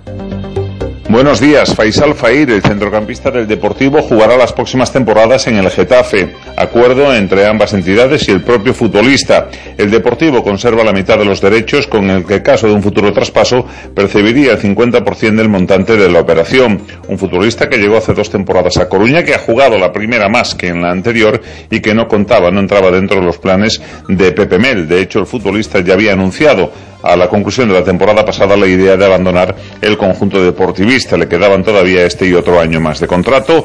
Jugará las próximas temporadas en el Getafe. Quien sigue en el Depor es Florín Andone. Le llama la atención al delantero rumano que sea el único futbolista, el único nueve que tenga en estos momentos la plantilla que entrena Mel. La verdad que, que sí, porque que si miras los otros equipos todo el mundo tienen dos, tres delanteros, cuatro, incluso hay equipos que tienen cinco, como el español, creo, que pensar.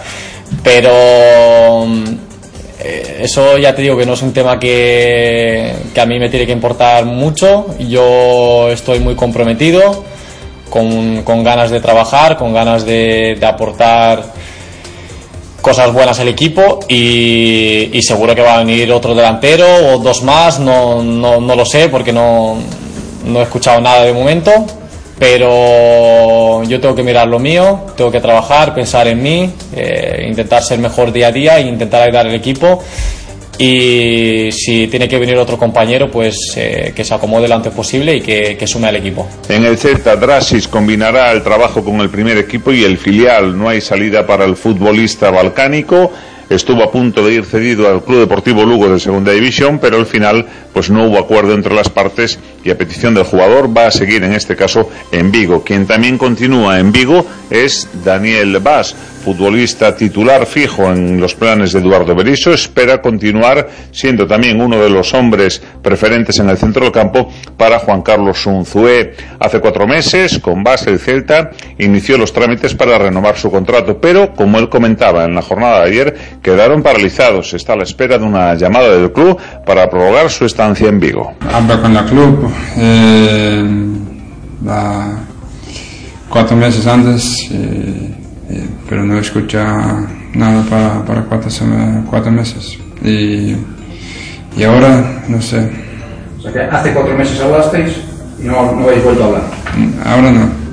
¿Y tú qué quieres? Eh, Yo quiero firmar aquí. Yo, yo dije mm, muchas veces, yo quiero firmar aquí. Mañana habrá asamblea definitivamente de la Federación Española de Fútbol, donde se van a aprobar los calendarios de primera y segunda división para la próxima temporada. La cita será a partir de las doce y media en Las Rozas. En baloncesto se encuentra en Málaga Nacho Llobet, el pívot del Obradoiro, concentrado con la selección española. Una primera remesa convocada por Sergio Escariolo para trabajar con ellos y de estos jugadores que lo están haciendo en estos momentos en tierras malagueñas, 5 o 6 a partir de 28 de julio ingresarán en lo que sería la selección A, donde están los jugadores de la NBA y de los principales clubes españoles de baloncesto. Un Nacho Llobet que disfruta de esta convocatoria, la vive con mucha ilusión y dice que ojalá pueda estar en la siguiente convocatoria en Madrid y hacerse un hueco de cara al próximo europeo. Bueno, a ver, en primer lugar, eh, va a sacar un- ciertos jugadores para, ayudar a los fijos, digamos, de la absoluta. Y por lo menos hay una camiseta que, se, que irá al europeo, ¿no? Seguramente puede ser que una segunda y ya veremos.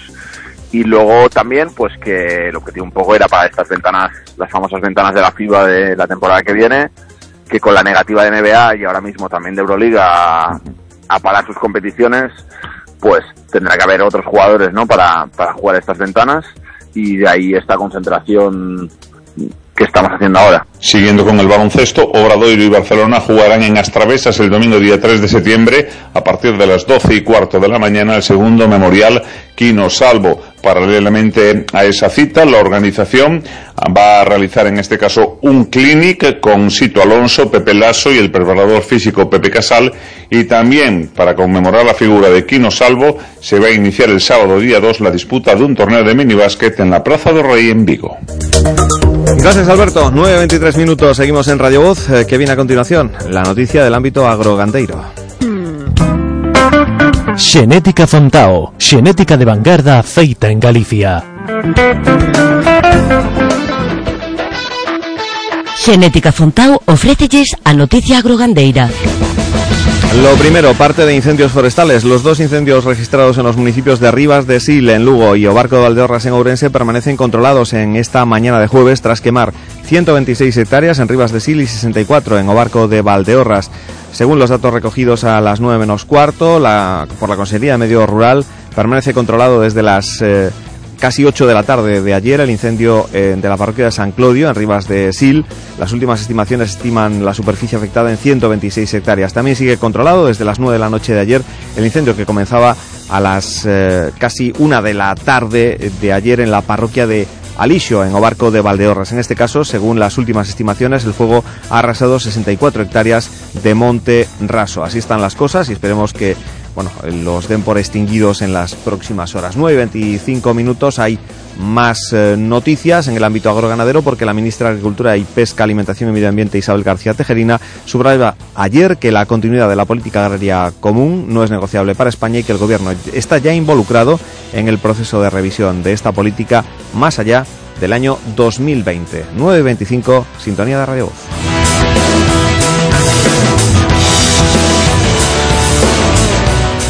Falamos con Abelino Souto, un rapaz da Barcia que con só 18 anos xa pode presumir de ter participado en numerosos concursos gandeiros internacionais e mesmo de gañar algúns deles. Abelino, de onde dirías que proveñen os mellores exemplares? Leo visto animais de moitos sitios e podoche dicir que non hai que marchar fora para obter o mellor. En Xenética Fontao traballan con moi bons touros e conseguen animais de gran calidade e rendemento. Xenética Fontao, a túa mellor fonte de xenética. Radio Voz. Son Alberto, conductor, e todos os días son cortalumes. Marta, 30 anos, profesora e cortalumes. Na loita contra os lumes tes moito máis poder do que pensas. Entra en soncortalumes.gal e coñece este novo oficio. Responsabilidade de todos. Faite cortalumes. Xunta de Galicia. Me quiere? No me quiere. ¿Me quiere? No me quiere. ¿Me quiere? Vaya. ¡Qué mala suerte! Toma el camino alternativo con el nuevo Renault Captur. Ahora desde 12.600 euros. Descúbrelo en la red Renault. Oferta RCI Bank válida hasta fin de mes. Consulta condiciones en Renault.es. Red Renault de Galicia. Vives en un edificio sin ascensor. Necesitas modernizarlo eliminando las escaleras que hay en el portal para llegar a tu ascensor. Confía el servicio de mantenimiento de tu ascensor a la empresa líder del sector. ThyssenKrupp pone a tu alcance la solución personalizada para tu comunidad. Llama sin compromiso al 901 020 909 o visita nuestras oficinas. En ThyssenKrupp te hacemos la vida mejor y más fácil.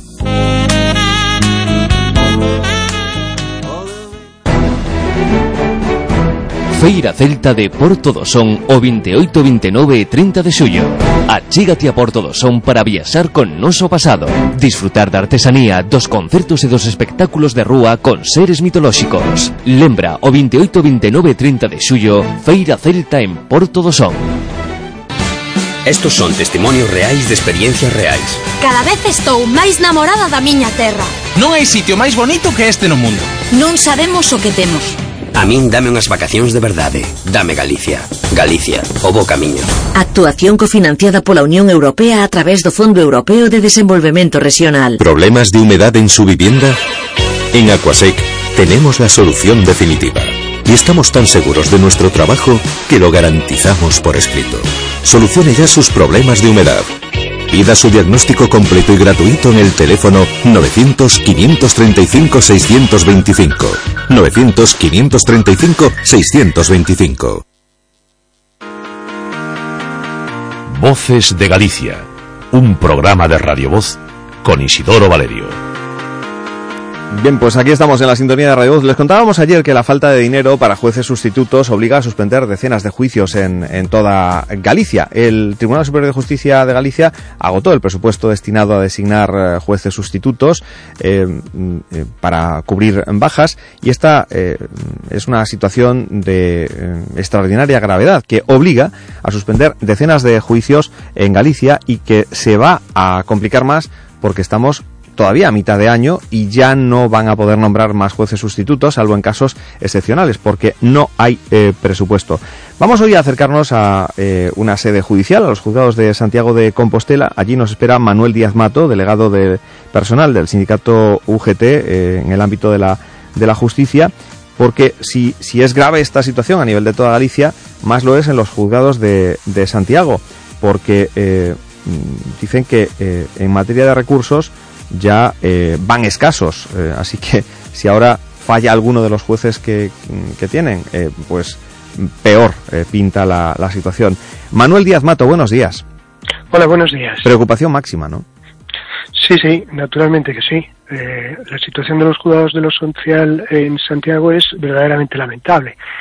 En- no sufren, digamos, la consecuencia de esa falta de presupuesto que alega el Tribunal Superior de Justicia, porque se ha nombrado un segundo, un segundo juez de apoyo, ya había otro, pero claro, el- la consecuencia del, del nombramiento de un juez a mayores de apoyo significa, sería la inmediato, el inmediato nombramiento de funcionarios que trabajasen con ese juez y con el anterior, lo que no se está haciendo. Entonces, el problema se está trasladando de la resolución a la ejecución. Se pueden poner sentencias, pero esas sentencias de poco van a servir si después no se puede ejecutar. Las sentencias dan lugar después a otra eh, a otro registro que es el digamos a otra demanda que es la demanda de ejecución y esa demanda de ejecución no la resuelve el juez esa demanda de ejecución la resuelven los Funcionarios. funcionarios que están en el juzgado O sea que esto es como si tuviéramos un traje pero no tuviéramos el cuerpo para ponerlo, ¿no? Exactamente. Mira, yo, mm, yo te voy a dar un dato para que veáis con claridad cómo es esto. ¿no? Los, los juzgados de Santiago son los únicos de toda Galicia que están ingresando más número de asuntos, bueno, por, por juzgado, es decir, en ratio de juzgado, pero además tienen una peculiaridad, que son los que están resolviendo por debajo de lo- del número de los que se ingresan, los únicos. Todos los demás están resolviendo tantos asuntos, por lo menos, como los que ingresan cada año. Hay algunos que incluso más, con lo cual van sacando atraso. Pero los juegos de Santiago no pueden. ¿Por qué? Porque no son solo las demandas, la demanda inicial que busca una sentencia, sino que después vienen esas demandas que digo de ejecución que buscan ejecutar esas sentencias. Y ahí es donde los juzgados no pueden, no, no pueden actuar. ¿Por qué? Porque no tienen personal no tiene, no tiene personal para hacerlo. Ahí ya no interviene el juez. El juez ha celebrado el juicio, ha puesto su sentencia, pero hay que ejecutarla. Y, esa ejecu- y esa ejecución es cosa de los funcionarios. El Consejo General del Poder Judicial, cuando nombre, cuando, cuando, cuando decide, bueno, en la comisión disciplinaria, perdón, la comisión de inspección del, del Consejo General del Poder estuvieron ahí en, en marzo, ¿no? Exactamente, estuvieron aquí en marzo, eh, pues hace un informe, se lo manda al Tribunal Superior de Justicia, y esto es a su vez se lo pone en conocimiento de la Junta de Galicia, dice literalmente que con el juez de apoyo que se envíe, ineludiblemente, ineludiblemente, eh, lo recalco, tienen que enviarse un secretario, eh, un, un funcionario del cuerpo de gestión, tres funcionarios del cuerpo de tramitación y un funcionario del cuerpo de auxilio por la razón que, estoy diciendo, porque estos son los que van a tener que hacerse cargo de esa parte de ejecución que no pueden hacerse los funcionarios, que, que no pueden hacerse cargo los funcionarios que están en los juzgados porque ya le están señalando eh, procedimientos y tramitando esos procedimientos hasta sentencia. Claro, eh, entonces mm, esta medida esta medida de nombramiento de un juez, aunque no sabemos de la quema, de, la falta de presupuesto, ¿verdad? No nos sirve absolutamente de nada. Es más, crea, crea frustración en las personas afectadas que ven como tienen una sentencia favorable, pero como su derecho no es finalmente cumplido y cómo es finalmente respetado, pues por ejemplo con una indemnización por despido, con una con, lo que proceda por una incapacidad, seguridad social, etcétera, etcétera. Por cierto, que, que, además mm, no sois la única voz, la de los sindicatos, en este caso, los representantes de los de los eh, trabajadores de los juzgados, los que los que estáis haciendo esta demanda. Eh, estáis respaldados, la Junta Sectorial de Jueces eh, demanda lo mismo, también el juez decano de, de, Santiago ha manifestado la urgente necesidad del nombramiento de ese personal de, de refuerzo, ¿no? Con lo cual, esto mm, parece que es obvio y necesario, pero aquí hay alguien que no se da por aludido. Porque a día de hoy siguen sin, sin estar nombrado ese personal de refuerzo, ¿no? Efectivamente, a día de hoy y no, no hay ninguna expectativa eh, que nosotros sepamos, porque ya desde ya hace prácticamente un mes que eh, UGT se lo ha pedido por escrito. Eh, poniéndole o reiterándole más que poniéndole en conocimiento todo lo que ya la Dirección General de Justicia sabe, que es todo lo que le llega del Tribunal Superior de Justicia y todo lo que le llega del Consejo y del Servicio de Inspección, lo sabe de sobra, pero hace oídos sordos, ya mm. digo, no, no solo a la, a la justa reclamación laboral que le presenta, que le presentamos los sindicatos, sino también a la, a la que hace la propia, como muy bien has dicho, la propia Junta Sectorial de Jueces de Santiago, el decano y es más, el Colegio de Abogados y el mm. propio ayuntamiento y el propio ayuntamiento. además, aquí se está produciendo una discriminación muy grave en este sentido. El único sitio que tiene un juzgado mm, de refuerzo en toda Galicia, en el ámbito de lo social, es, eh, A Coruña, es el Partido Judicial de A Coruña. ¿eh? Tiene ese juez de refuerzo, pero con él están como, como deberían estar aquí, el secretario y cinco funcionarios más. Entonces, ¿por qué en Coruña sí y aquí no? ¿Por qué en Coruña sí y aquí no? Si, los, si prácticamente, eh, cuando miramos las, las estadísticas, son prácticamente las mismas. El atraso de los juzgados, el atraso que, que, que soportan, o la carga de trabajo mm, que soportan los juzgados de Santiago, incluso es mayor proporcionalmente que los de Coruña, porque en Coruña recordemos que hay eh, cinco juzgados de lo social y en Santiago hay tres. Y en, Coruña se crea este año el sexto juzgado de lo social, es decir, que hay el, doble de juzgados. Santiago, Santiago solo está por debajo en número de asuntos ¿eh? ingresados todos los años, solo está por debajo de Coruña y de Vigo. Está muy por encima, por ejemplo, de Pontevedra, que tiene cuatro juzgados, tiene tantos asuntos. El juzgado, los juzgados de Santiago los tres de Santiago como los cuatro de Pontevedra. Bueno, queda, queda, clara la, situación, Manuel, eh, pero claro, se habla muchas veces eh, de la justicia es lenta y casi como que se os culpabiliza, ¿no? Funcionarios, jueces y demás de, ir muy lento, de tomar las cosas con mucha calma, pero lo que estamos viendo es que esa lentitud de la justicia no es eh, consecuencia mm, más que de la lentitud o de que eh, los políticos parece que están dedicados a otra cosa en lugar de a resolver los, los verdaderos problemas que, a los que tienen que hacer frente para dar un, un mejor servicio a la, a la sociedad a la que representan, ¿no? Sí, sí, así es. Es decir, aquí hay un problema organizativo en primer lugar muy grave, hay un problema de recursos en segundo lugar eh, tremendo, hay un, un, problema de confluencias, de, potestades o de competencias en, ese ámbito organizativo y en la gestión de esos recursos que son obstáculos eh, con los que nos encontramos día a día. Mm, por poner también un ejemplo muy claro, la informatización de la Administración de Justicia. Mm. También es muy conocido que hay mm, mm, ocho o nueve sistemas de gestión procesal distintos en todo el país. No se dan puesto de acuerdo para que haya uno solo. Eso significa un montón de problemas a la hora de eh, actualizar esos sistemas para que puedan ser compatibles, para que se puedan enviar cosas de un sitio a otro. La famosa justicia sin papel ha multiplicado el papel porque es una utopía, es decir, los jueces no es, mm, mm, es muy difícil poner una resolución o trabajar sin papel en el ámbito judicial. No es que nosotros sintamos una especial empatía con los jueces, nosotros defendemos a los trabajadores, pero es verdad que el, el suprimir el papel de un plumazo no es posible, porque hay que acostumbrarse a, trabajar con sistemas informáticos, modelos y, y, todo tipo de documentos en, los ordenadores y es muy complicado, y es muy complicado. Pero es que es el atraso que llevamos sobre todas las administraciones. Pero da, por pensar eh, que, a alguien le interesa, ¿no? Que esto sea así para que, bueno, pues esto vaya lento y, no pasen determinadas cosas que, pues, que tendrían que ya ir resolviéndose, ¿no? Sí, sí, puestos a, puestos a pensar A mal, evidentemente, claro. puestos a pensar mal, evidentemente uno dice, bueno, eh, por ejemplo, para el caso de Santiago, esto es la sede de las instituciones autonómicas. Cuando cogemos eh, los jugados de lo contencioso, que también tienen tanta carga de trabajo los dos de, de- de Santiago, casi ca- tanta como los cuatro de Coruña juntos, como esto es la sede de las instituciones, eh, esta localidad es la sede de las instituciones autonómicas, pues eh, ¿qué ocurre? Que tanto en el ámbito contencioso administrativo como en el ámbito laboral hay una carga de soporta una carga de trabajo superior porque la Junta de Galicia y otras administraciones, pero fundamentalmente la Junta de Galicia, es el demandado número uno.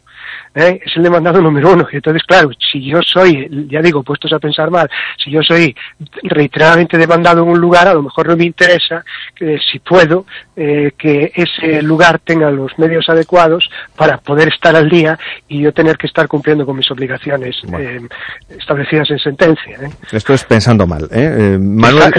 Manuel Díaz Mato, delegado de personal del sindicato de eh, UGT en el ámbito de la justicia, gracias por, por estar con nosotros y mm, ponernos de manifiesto la situación que, están viviendo y que no es nueva, ¿no? porque esto ya viene de, atrás en el tiempo, lo vienen denunciando desde hace tiempo, pero no parece que no hay voluntad de solucionar ese problema que eh, impide el sacar adelante muchos de los eh, temas eh, que van más lentos de lo debido en sede judicial. Un abrazo fuerte, gracias por estar con nosotros.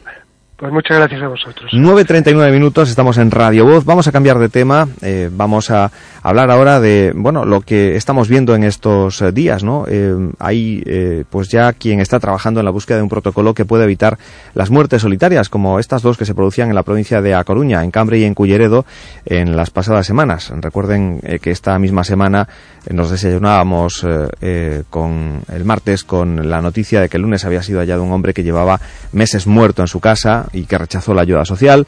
Hace eh, 15 días, eh, pues eh, conocíamos ese otro caso de una mujer que llevaba eh, casi siete años muerta en su domicilio sin que nadie se hubiese enterado. Hablamos de ello y hablamos de bueno, lo que dice el Colegio de Trabajadores Sociales de Galicia que preside Marta Capeans. Con Marta hablamos enseguida.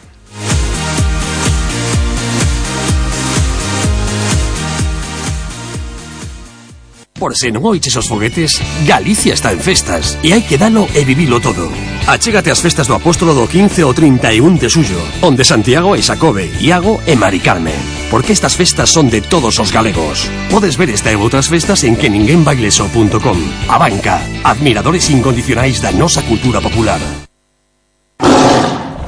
Non esperes a ver guepardos en Galicia para pechar a villa. Se non chove, agora máis que nunca, temos que aforrar auga. Porque igual que noutros lugares do mundo, aquí tamén podemos sufrir a seca.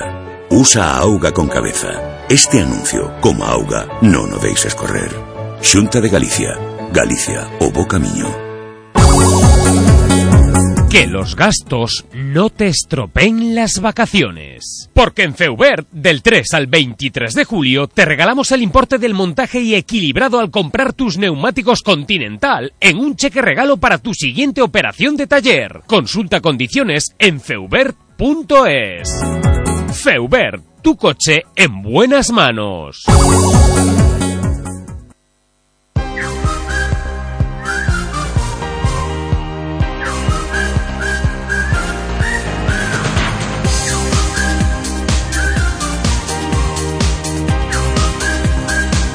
¿Cómo evitar casos que, como los que han conmocionado pues, a la opinión pública en estas últimas semanas? El de la mujer eh, que em, eh, llevaba siete años muerta en el interior de su domicilio sin que nadie se hubiese percatado hasta que, em, bueno, saltó la cuenta bancaria que se quedó sin fondos, o el hombre de 90 años que a consecuencia de un intento de robo fue descubierto también muerto eh, después de varios meses en el interior de su eh, domicilio en el municipio de, de Cambre.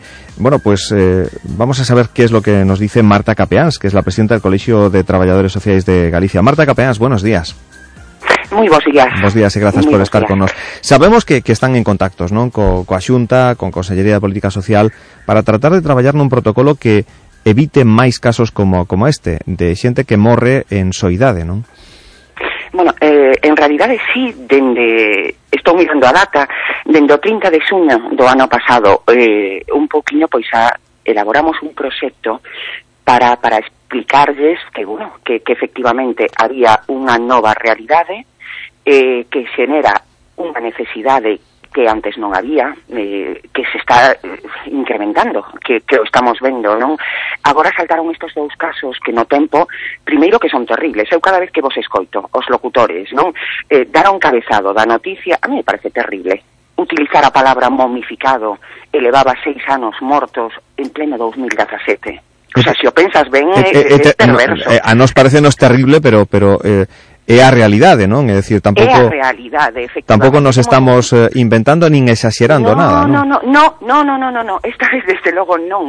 O que o que sí que temos que ter certo é que sociedade mudou, cambiou. Antes en Galicia, eh, eh, todos o sabemos, nun domicilio vivían oito personas, vivían tres mm. eh, xeracións perfectamente, non? Os netos, os fillos e os avós. Todos nos criamos cun avó eh, cerca. Ahora sabemos eh, que esta realidade xa non é así, que nos, sobre todo no, no rural, donde se donde podemos pensar, bueno, pois é onde hai máis maiores sós. É certo, hai máis maiores sós, pero hai máis control social dos propios veciños, é dicir, ali, pois vai a panadeira, non? Si, si ti non colles o pan durante dous días, vas a ter un veciño na porta da casa a ver que, que ocorre, que está pasando. Sin embargo, no, no ámbito urbano, sí que é realmente terrible e nos damos conta, eu me dou conta, o, non? o que no, pasa no, que no meu día a esto, día, esto é increíble, non? Porque a día de hoxe hai recursos eh, como para que as persoas que viven soas podan ter, digamos, un, un control de que están ben. Eh, aí está a teleasistencia, non? Eh, cousas polo, Hai- polo estilo. Vamos a ver, hai recursos e non os hai. Aí doucha razón. Hai recursos, pero como sempre faltan os recursos idóneos para cada caso. Por Ujú. exemplo, o caso eh, do señor este de Cambre, que tiña un fillo. As relacións serían como se xan, da igual. O, o fillo que está claro que ten, tería a súa vida, un domicilio independiente como temos todos, ou casi todos, a maioría dos nosos eh, pais ou familiares maiores, e, e o certo é que a este señor, por exemplo, pensamos na teleasistencia, non lle hubiera servido de nada. Un señor maior que está ben, que a súa cabeza está ben, que pode facer de comer, que se levanta, fai a súa cama, lava a súa roupa, entra e sae, ti tes un infarto ou morres por causas naturais, yeah. é que vas a pulsar un botón para chamar a un dispositivo que activa nunha centralita. No, pero Marta, non. ti sabes que periódicamente dende os servizos de teleasistencia eu o, coñe, o, o coñezo de preto, non? Porque eh, eh sí, teño sí, algún sí. familiar que, que utiliza ese sistema. E de vez en cando reciben unha chamada para para saber que, que, que están non? Efectivamente. Claro. Aquí o caso é decir, non o que propoñemos dende o colexio, e propoñemos, propuxemos a no seu día, non no, eh, a mediados do ano pasado, é decir, vamos a facer unha especie de censo de, de estas familias, de estos fogares unipersonales eh, que temos na nosa comunidade. No, porque E ademais só- hai, hai xente que ten todo o dereito non a vivir eh, soa porque así o, o quere, non, non, non se quere ir cos fillos ou non quere ter a En ninguén principio, na, claro, na casa. En eh, a todos nos gusta ser independentes, Claro. non? E, e non depender dunha persona que o mellor pois eh, lle estamos dando a lata ou creemos que, que somos unha carga e soa fatal o de carga, pero o certo é que nun momento dado e co tipo de sociedade que temos, cos horarios de traballo que temos, eh, que nos costa tanto pois a conciliar o cuidado dun neno pequeno, conciliar o cuidado dun maior que o millor, bueno, pois chega a certa idade, que nos empezan a afectar as demencias, que xa esquecemos cosas moi básicas, non? Mm, realmente vivimos nunha sociedade que é imposible plantexar este este tema así. Non o que o, o que sí que a proposta que que facemos a consellería e que nos parece que pode ser viable, en principio, identificar un censo de persoas maiores Sí. que vivan solas, eh, de persoas con dependencia, de persoas maiores que teñan a cargo fillos ou mellor con algún tipo de discapacidade, de diversidade funcional, que están sendo coidadores a idades moi avanzadas, que os hai, uh -huh. hai moitos. Sí, sí. E moitas veces no, no noso ámbito, da nosa comunidade onde o embellecemento eh, eh, por sorte, por sorte, é, é tan amplo, é, temos unha, unha esperanza de vida pois é, moi alta, mm, incluso matrimonios que sin vivir xos, pero cando un falece a, a parella, o cónxuse quédase, digamos, como moi desamparado, non? Son moi dependentes o un do outro. Bueno, pois, o que temos que saber primeiro é que casuísticas hai e en que condicións están.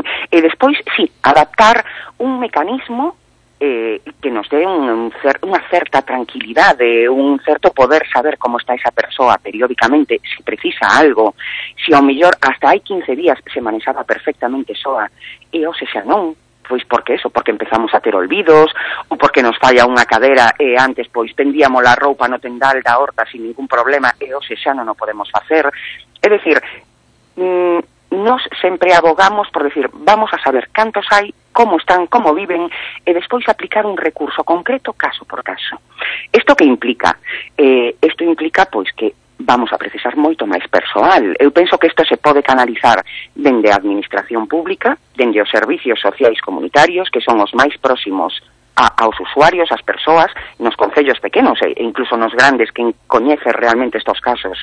Soen ser, pois, os servicios de saúde, o, o médico de cabeceira, o médico de familia, que atende, que receta, eh, que a persoa maior vai por ali con certa regularidade e os servizos sociais e moitas veces tamén pois recursos comunitarios que hai, non? Asociacionismo, ONGs que actúan na zona, que, que fan actividades. Bueno, pois non o que proponemos é identificación destes fogares, cales son, donde eh, telos localizados e despois ver como se pode coordinar unha actuación que dé resposta a unha necesidade nova que está aparecendo, que está aparecendo no século XXI, pero uh -huh. que vai ocorrer máis veces, non? Que, que isto que estamos vendo mm, sabemos que pode pasar perfectamente. Claro.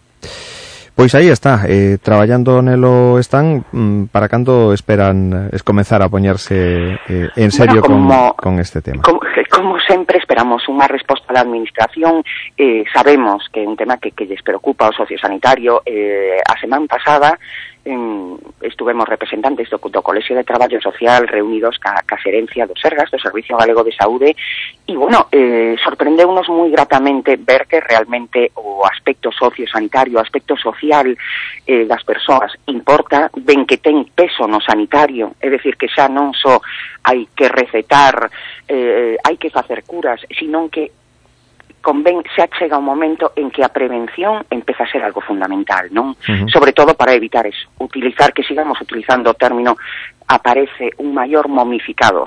Uh -huh. que tremendo, non? Que suena, Dios mío, as pirámides de, de Egipto. A ver, a ver se si non temos que dar máis eh, titulares deste tipo, porque a verdad que non, non contábamos eh, nun período de 15 días dar dúas noticias eh, moi parecidas, non? Eh, e sabemos que non son terrible. as primeiras, verdade? Sí. Sabemos que isto aconteceu pois en Vigo, o ano pasado pois ocorreron varios casos e que vai a seguir ocurrindo. Entonces, o que sí hai que entender eh, que igual que evolucionan a sociedade, pois teñen que evolucionar as respostas. E aquí e aquí hai que dar unha resposta e, bueno, hai que empezar a, polo pronto a artellala, despois saberemos que medios se poden poñer e, e como sempre o ensaio o error funciona, o mellor pos en funcionamento pois algún recurso que non dá o resultado esperado e hai que mudalo. Ben? Esperemos que a resolución tampouco se momifique, eh? que, que teñamos evolución e que permaneza vivo ese eh, interés por eh, poñer remedio a esta soidade na que viven moitas eh, das eh, persoas que poden seguir vivindo soas, pero que necesitan eh, ter ese respaldo para, en caso de necesidade, poder actuar a tempo e non vivir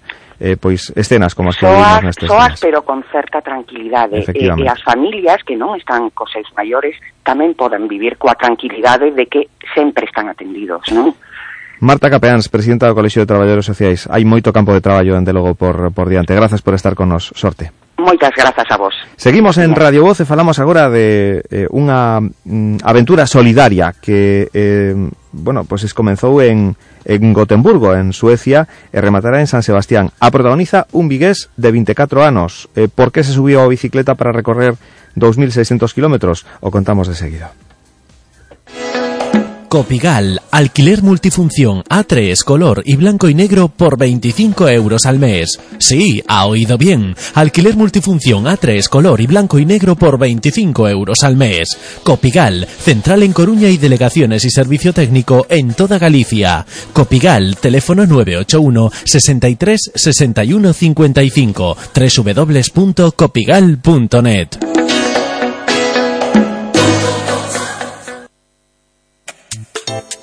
Tenemos tres minutos para saludar a Lucas García, que yo no sé por dónde anda ahora este vigués de 24 años subido a su bicicleta. Lucas, buenos días. Lucas, buenos días, señora. Buenos días, ¿por dónde andas? Pues ahora mismo en Dinamarca, en una ciudad que se llama eh, Horsens. o sea que ya has recorrido un buen trecho de esos 2.600 kilómetros que separan Gotemburgo, de donde partiste y donde tú vives, hasta San Sebastián, que es a donde pretendes llegar en una aventura que tiene un eh, trasfondo solidario. Porque, a ver, ¿qué es lo que pretendes con esta, con esta aventura? Bueno, eh, para mí, para empezar, yo digamos que me gustan mucho las bicicletas y y por otra parte me gusta mucho pues ayudar a la gente y demás temas y surgió esta oportunidad de, yo quería hacer un viaje más largo de lo que había hecho ya antes, porque ya había hecho algunos viajes por España, Portugal, luego otro por Taiwán, y, y surgió la oportunidad de colaborar con una ONG, y a mí me, me ofrecieron el, eh, un proyecto que se, que se titula, por decirlo así, eh, eh, ayuda en educación y acogimiento a, a niños huérfanos eh, por, eh, por, el, por, el, por el ébola en Sierra Leona, en África. Y me contaron un poco más de cómo era el proyecto, qué era lo que íbamos a hacer, cómo tenían pensado eh, recaudar los fondos y demás. Y a mí me parecía una idea muy, muy buena. Y les di el ok, y nos pusimos a trabajar. Y nada, con, junto con, los, con la organización que se llama Arambe, eh, luego yo y, y parte de mi familia, pues nos pusimos a trabajar y hemos sacado aquí un proyecto, yo creo que bastante curioso y, y que a mí me gusta mucho. Claro. Y el objetivo es recaudar nada. 26.000 euros a 10 por kilómetro sale ese recorrido de 2.600 kilómetros. Correcto. ¿Y quién va a poner esos, quién pone esos 10 euros por kilómetro? La, la idea, ¿vale? Fue que eran eh, 2.600 kilómetros en 26 días, por lo tanto, una cifra que era eh, que era razonable y a la que podíamos llegar era 26.000 euros y hacía que eh, todo cogiese como un marco y que fuese más fácil de recordar para la gente y, y más fácil de aprendérselo. En cuanto a las eh, donaciones, pues eh, tanto amigos, conocidos, gente que se entere del proyecto, como empresas que quieran participar como, como patrocinadores. Eso poco a poco, según vamos eh, avanzando en el viaje, pues la gente se va sumando al carro, por decirlo así, viendo cómo va evolucionando todo, ya que eh, día a día vamos publicando en, las redes sociales, tanto Facebook, Instagram, tenemos un blog también y vamos publicando y la gente puede ir siguiendo desde sus casas, pues un poquito cómo, cómo va evolucionando el viaje y cómo va evolucionando el tema de las donaciones. Bueno, yo ya te, te estoy siguiendo en Two Rods eh, Project, que es eh, tu cuenta en, en Instagram, para ir viendo un poquito la evolución. Te deseamos mm, muchísima suerte, que consigas el objetivo y a ver si somos capaces de contactar el día que llegues a, a San Sebastián para decir misión cumplida. Eh, Lucas García, eh, vigués eh, solidario donde los haya y ciclista de fondo, 2.600 kilómetros entre pecho y espalda que se está metiendo por esa causa solidaria. Gracias por estar con nosotros, enhorabuena, un abrazo. Buenos días. Llegamos así al límite de esta segunda hora de programa. Esto son las voces de Galicia. Radio Voz. Venga, Gadis, el precio no es un problema. Las oportunidades para hoy son En carnicería, traseros de pollo, kilo, un euro con 95 céntimos. En frutería, melón verde, kilo, 49 céntimos. Y en pescadería, rodaballo gallego 2 a 2,5 kilos, enteros o mitades, kilo, 8 euros con 95 céntimos. Solo hoy y solo en Gadis. Colaborador del acontecimiento Prevención de la Obesidad. Aligera tu vida. Soy Alberto, conductor, e todos os días son cortalumes. Marta, 30 anos, profesora e cortalumes. Na loita contra os lumes tes moito máis poder do que pensas. Denuncias prácticas delituosas nos nosos montes e se ves lume, chama o 085. Faite cortalumes, Xunta de Galicia.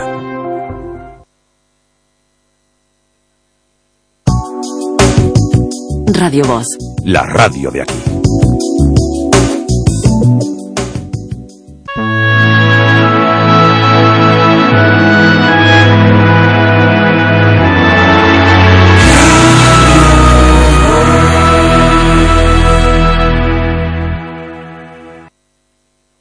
Ecolactis revoluciona el mundo de la nutrición con la leche de yegua liofilizada. Su aporte en vitaminas, minerales e inmunoglobulinas la hace diferente a todas. Refuerza las defensas, mantiene la densidad ósea y ayuda a solucionar problemas dermatológicos. Tomada en cápsulas o en polvo cada día, la leche de yegua Ecolactis se convierte en la mejor aliada en periodos de recuperación.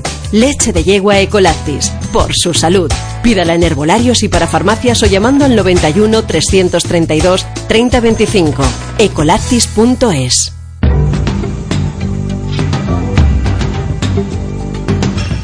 Todos os sábados e domingos de 4 a 5 da tarde, un mundo de músicas, unha viaxe musical polas distintas culturas do planeta. E de seguido, de 5 a 6 da tarde, Músicas de Raíz, unha selección de diferentes músicas étnicas na sintonía de Radio Voz, todos os sábados e domingos, presentado por Vieito Romero.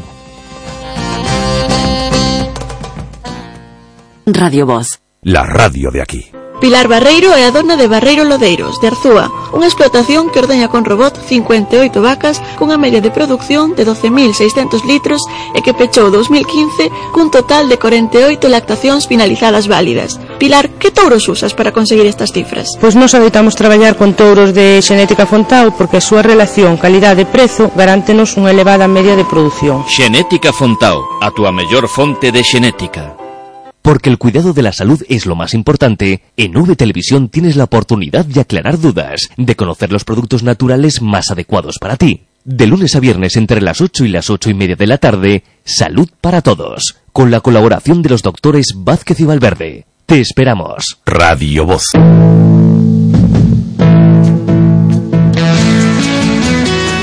En Radio Voz, os sábados, de 6 a 7 da tarde, a música da tua vida. Percorrido nostálxico polas melodías do pasado. A música da tua vida en Radio Voz, os sábados de 6 a 7 da tarde.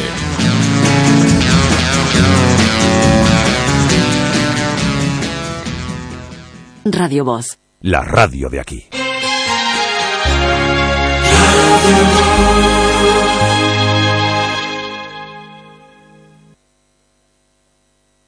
Universidade de Stanford. Elixo Galicia. Porque Galicia leva oito anos consecutivos conxelando as súas tasas universitarias. Porque contamos con docentes de primeiro nivel, campus que apostan pola especialización e proxectos de investigación con excelencia internacional. E porque a terra tira, e moito. Elixe Galicia. Galicia, o bo camiño.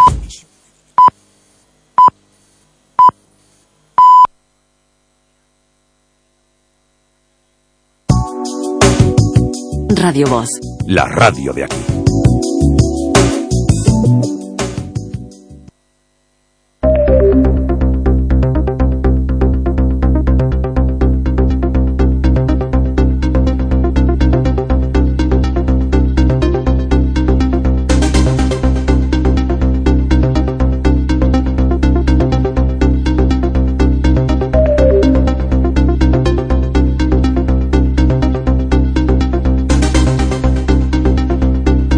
De la mañana, aquí estamos en la sintonía de Radio Voz, en Voces de Galicia. Vamos a repasar actualidad eh, de este día, actualidad de, de esta mañana de jueves 20 de julio.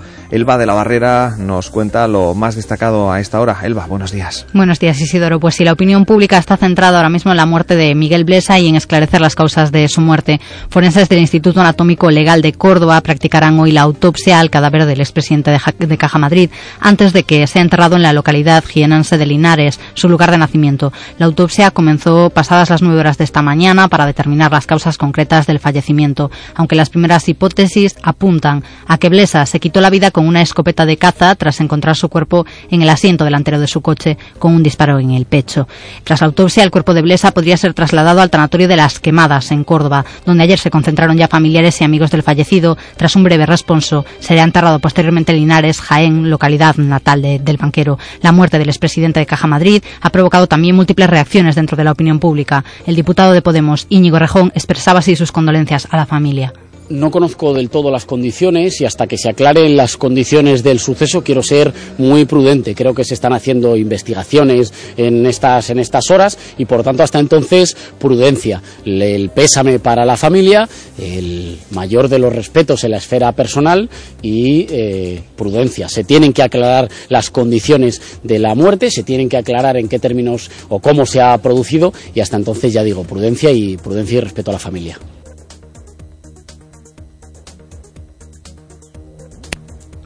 Por su parte, el presidente cántabro Miguel Ángel Revilla tildaba de la, la muerte de horrible, pero afirmaba que esto pues no eximía de sus actos en vida. Lo escuchamos. Yo he sido muy crítico con este señor Desde luego, hay muchas personas que dicen, bueno, cuando alguien muere ya es bueno. Creo que Miguel Bresa ha hecho muchísimo daño a muchísimos españoles, pero yo tengo una profunda tristeza, ¿no? De ha muerto, además, que parece ser que es de una manera un poco extraña, pero pues yo cada vez que, muere alguien, aunque sea una persona que no ha hecho grandes cosas por los demás, más bien pues ha perjudicado a muchísimos y ha costado un quebranto económico al país eh, enorme por su mala gestión, pues yo cuando alguien muere, de verdad que me llevo una tristeza y sobre todo si como apuntan algunos la muerte ha sido en unas circunstancias tremendas, ¿no? Lo siento muchísimo, pero desde luego eso no le exime para nada de las tropelías que con su gestión ha hecho que han perjudicado la vida de tanta gente en este país. Y nos vamos a Galicia, donde la actualidad viene marcada por el fuego. Un incendio causó esta noche daños materiales en el interior de una vivienda deshabitada en Vila García de Arousa. Ardieron unos colchones, ropa y también armarios. Los hechos tuvieron lugar en la calle Marsión. Un particular daba la voz de alarma a Emergencias Galicia a eso de las dos de la mañana. Indicaban en su relato que podría haber indigentes dentro de la vivienda. Afortunadamente, nadie resultó herido. La Consellería de Medio Rural informaba también de que el incendio forestal que comenzaba en torno a las una menos cuarto del mediodía de ayer en el Ayuntamiento de Obarco de Valdeorras, en la parroquia de Alixo, ha quedado totalmente controlado. Según las primeras estimaciones, la superficie afectada es de un total de 64 hectáreas, la mayoría de Monterraso. También la tarde de ayer fue extinguido plenamente el fuego registrado en la parroquia de San Clodio, en Rivas de Sil. Y de medio rural a la Consellería de Mar. La consellera Domar Rosa Quintana destacaba ayer en San Xienxo que el pasado año los puertos gallegos movieron más de 1,3 millones de pasajeros. La mayoría de estos movimientos se registraron en los puertos de la Ría de Vigo, debido al tráfico existente entre el triángulo formado por los puertos de Vigo, Cangas y Moaña, que alcanzó un tránsito de casi un total de un millón de pasajeros. En el ámbito turístico, Quintana destacaba que en las primeras semanas de actividad, la iniciativa de cruceros costeros en verano del 2016 participaron más de 1.400 personas. También trasladaba la apuesta de la Junta por el aprovechamiento del Fondo Europeo Marítimo y de la Pesca para potenciar el mar como precisamente un punto de atracción turística. La directora de Turismo de Galicia, Castro, por su parte, destacaba la importancia del turismo náutico para poner en valor el patrimonio natural, cultural y gastronómico de Galicia. Y nos vamos a la capital de Galicia, precisamente donde una representación de la plataforma de víctimas del accidente del Albi ha ocurrido en, en el barrio compostelano de Angrois en julio de 2013 intervendrá hoy en el Pleno del Ayuntamiento de Santiago. Lo hará coincidiendo además con el debate de una iniciativa del Bloque Nacionalista Galego sobre la activación del sistema de control de la velocidad RTMS y tras la invitación expresa de los nacionalistas. Después de esto, la asociación ha cursado también una petición de intervención que fue registrada el pasado martes a nombre de uno de sus portavoces, el presidente de la plataforma, sus sobrinas y su cuñada, que viajaban también en el tren. Le acompañará Esperanza Fernández, cuyo padre y cuñada fallecieron en el siniestro del convoy en el que también iba su hermano. Fuentes del grupo del bloque nacionalista explicaban que aunque deberá ser la Junta de Gobierno la que finalmente decida, lo habitual es que todas estas solicitudes de intervención sean aceptadas y que se desarrollen al comienzo del Pleno. Esto es un acuerdo tácito que está previsto para las cuatro y media de esta misma tarde. Y también en Santiago, esta misma tarde, la Real Filarmonía de Galicia y Uxía ofrecerá un concierto a las nueve en la Plaza de Quintana, en Santiago de Compostela. Será con motivo de las fiestas del apóstol. La entrada para esta cita, gratuita, con previa retirada en el teatro principal, mm, tiene mm, eh, total lleno, están agotadas. El repertorio que ha sido avanzado por Uxía y el director de la Real Filarmonía incluye una selección de canciones que abarcan los 35 años de la trayectoria de la cantante gallega. Además, bueno, hablaremos con Uxía precisamente hoy en los micrófonos de Radio Voz en el segundo tramo. Y además el capitán de, la Corvette, de Corbeta, Ignacio Tobarra, asumirá el mando de la comandancia naval en la provincia de Pontevedra y también eh, la presidencia española de la Comisión Permanente Internacional del Miño. Según informa el Ministerio de Defensa, durante esta mañana se celebrará en la comandancia naval del, del Miño en Tui la tradicional ceremonia de entrega de este mando. Pues así viene la actualidad, 10 de la mañana, 6 minutos, estamos en Radio Voz, enseguida hablamos eh, con los eh, animalistas, las eh, organizaciones animalistas que celebran la recogida de 56.000 firmas en Galicia para prohibir el uso de animales en, circos. Recuerden que recientemente se realizaba una manifestación secundada por 33 entidades protectoras de animales eh, bueno, ellos lo que, lo que quieren es que el anteproyecto de, de la Junta de eh, ley de protección animal eh, incluya a todos los tipos de animales y no solo a los domésticos. Si hace unas semanas apostaban por prohibir en Galicia capeas y novilladas, bueno, pues ahora celebran el hecho de haber recogido tantísimas firmas con el objetivo de negociar con la Junta un hipotético veto total al uso de animales en espectáculos circenses aquí en nuestra comunidad. De ello vamos a hablar con Rubén Pérez, el delegado de Libera Galicia, una de las asociaciones animalistas que persigue este fin.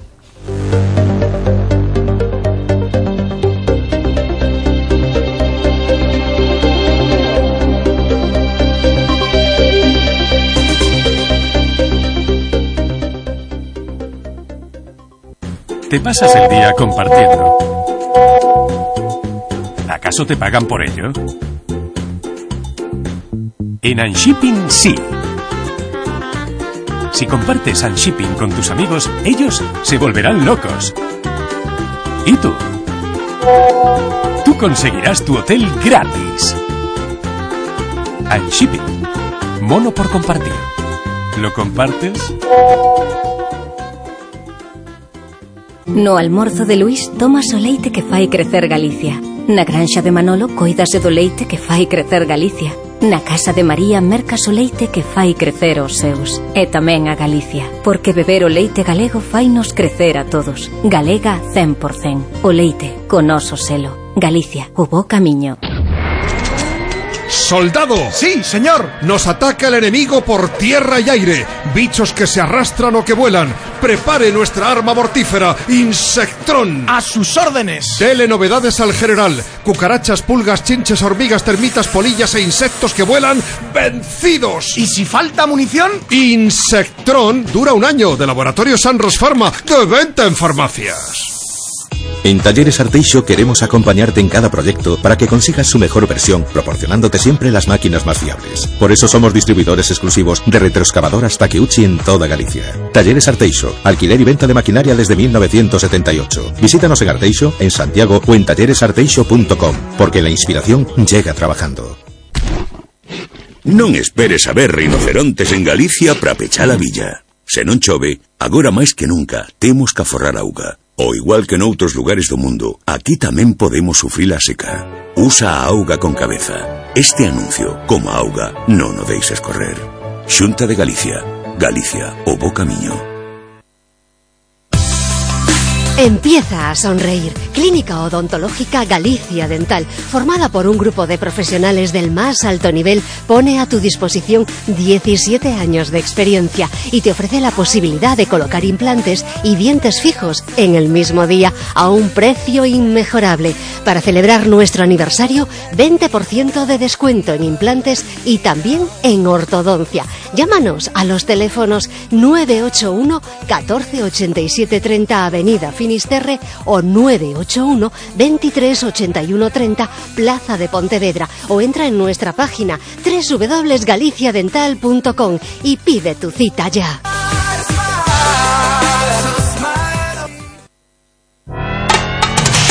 Voces de Galicia. Un programa de Radio Voz con Isidoro Valerio.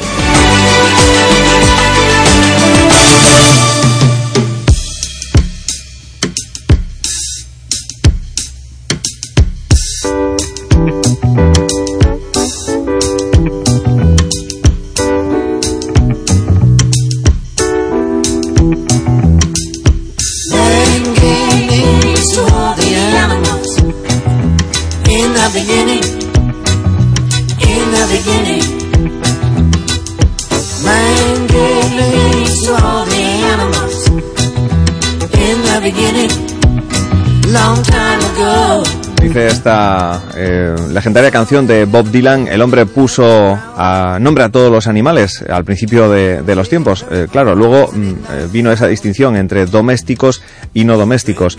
Y lo cierto es que los animalistas, las asociaciones y protectoras, santuarios y grupos de defensa animal de, Galicia, pues están contra esa distinción en el sentido de que quieren que la, ley de protección y bienestar de los animales de compañía promovido por la Junta eh, se extienda también a los animales considerados como no domésticos. Y ahí están eh, trabajando. La eh, pasada semana pues eh, se congratulaban de que la oposición apoyase la propuesta para vetar capeas y novilladas en Galicia, las consideran innecesarias y crueles y esta misma semana pues celebran la recogida de más de 56.000 firmas de apoyo para prohibir el uso de animales en circos. Eh, ya saben, tigres, eh, y demás eh, animales que vemos habitualmente eh, en condiciones a veces lamentables en los circos que, recorren todo el, el, país. Rubén Pérez es el delegado de Libera en, en Galicia.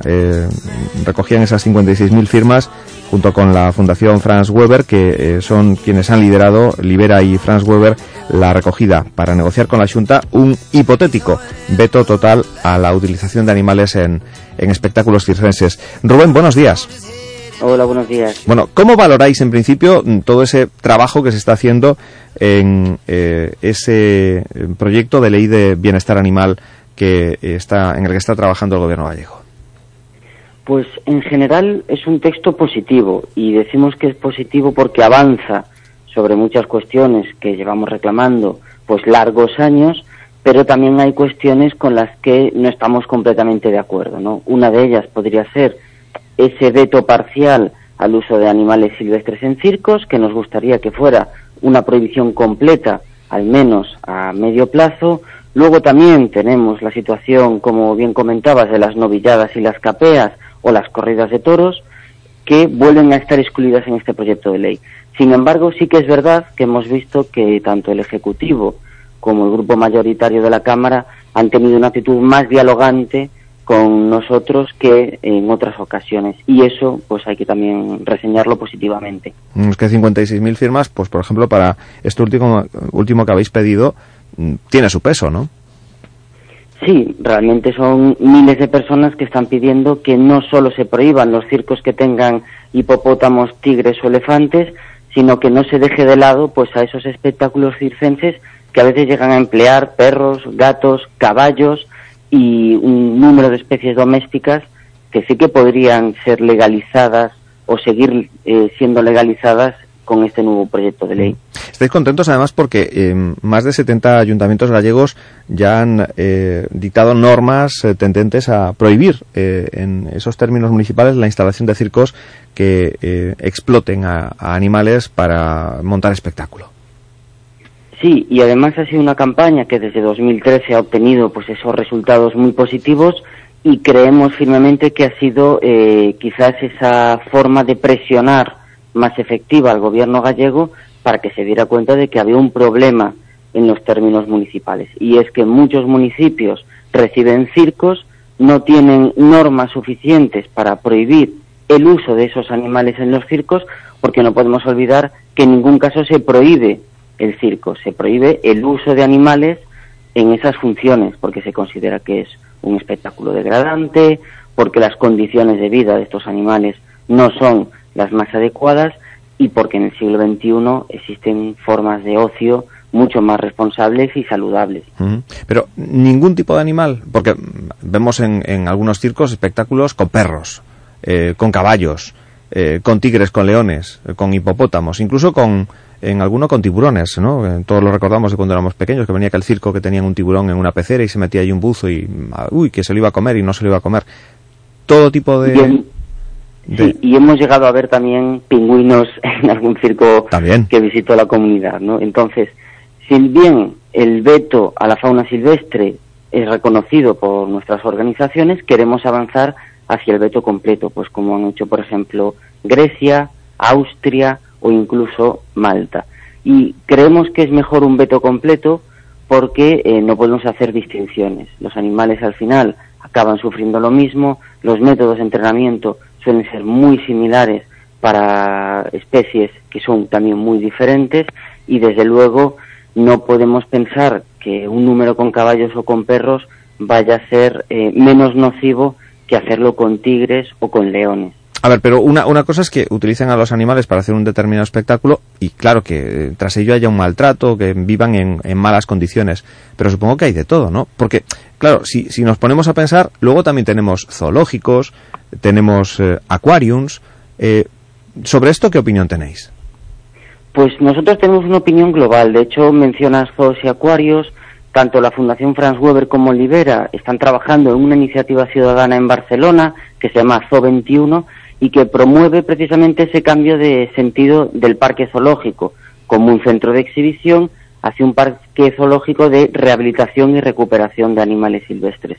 Y este cambio de paradigma es muy interesante porque muchas veces vemos, por ejemplo, el Parque Zoológico de Vigo, que se les enseña a los niños un tigre o se les enseña un león y se les dice que andan 20 kilómetros al día por la sabana y vemos al pobre animal gordo, cansado y aburrido en una instalación minúscula.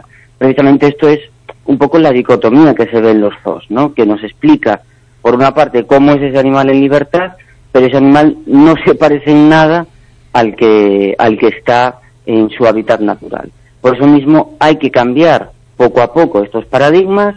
Hay acuarios también que se podrían transformar en centros de recuperación de fauna marina, que curiosamente en Galicia no hay ninguno, a pesar de que la Junta ha prometido ¿no? su construcción en estos últimos años. Y es un poco en lo que, en lo que nosotros tratamos de incidir desde ese punto de vista también pedagógico, no solo para la infancia, sino para la ciudadanía en general. Pero habría, por tanto, que acabar con, no sé, el Acuario Finisterrae en A Coruña o con el Zoológico de, de, Vigo.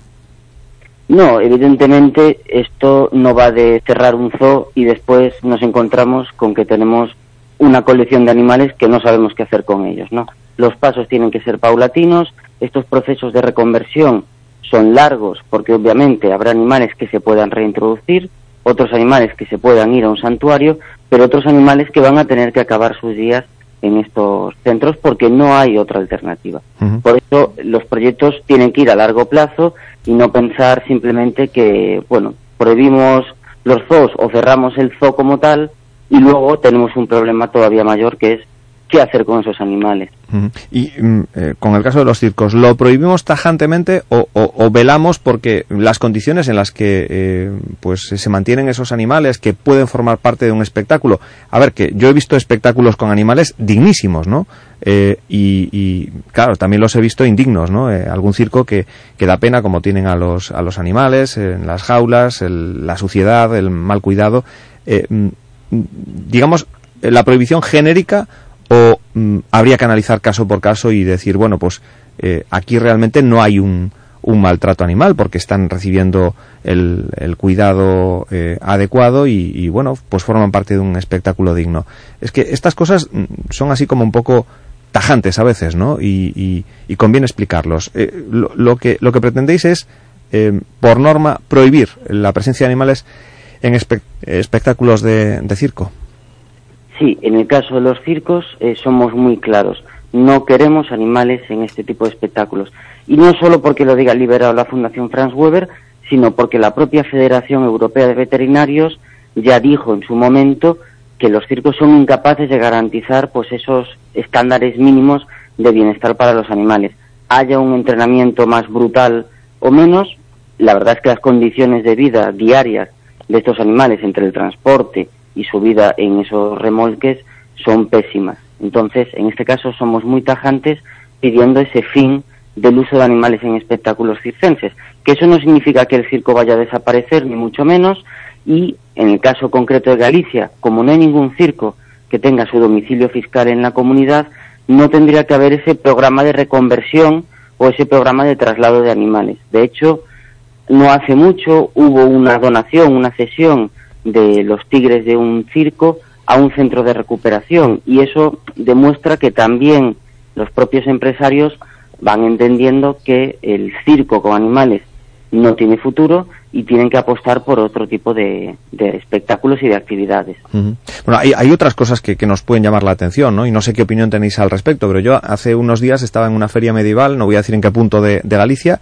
y veía como, bueno, pues allí ofrecían una vuelta en, dromedario, en camello, no sé si era un camello o un dromedario, nunca me aclaro si el de dos jorobas es camello o dromedario, pero eh, bueno, ahí había camellos que daban una vuelta a un recinto y la gente se subía y se bajaba de ellos a, cambio de, pagar un dinero y también unos, unos ponis eh, que, llevaban a niños, eh, pues, y que había unas personas que cobraban, pues, por subirse a estos, a estos animales. Sobre este tipo de cosas, ¿qué opinión tenéis? Pues nosotros también apostamos por la reconversión. Por ejemplo, tenemos el caso de A Coruña, ¿no? que hace pocos días presentó la Feira das Maravillas y por primera vez no va a tener ningún tipo de animal. Y aquí había sido muy polémico porque esos paseos en burro, eh, la exhibición también de camellos, de dromedarios, de los propios burros, eh, generara quejas vecinales, no solo por el trato o por el bienestar de los animales, sino también por cuestiones como la limpieza, los ruidos, y todo ello pues va generando que el, gobierno municipal, en este caso de A Coruña, decidiera eh, prescindir de todos los animales, incluso de las exhibiciones de aves rapaces, ¿no? Porque coincidió ese, esta última edición que las aves rapaces estaban en un recinto donde estaban sometidas pues a una música muy alta, a un bullicio constante que podía provocar problemas físicos y psíquicos en, estos animales.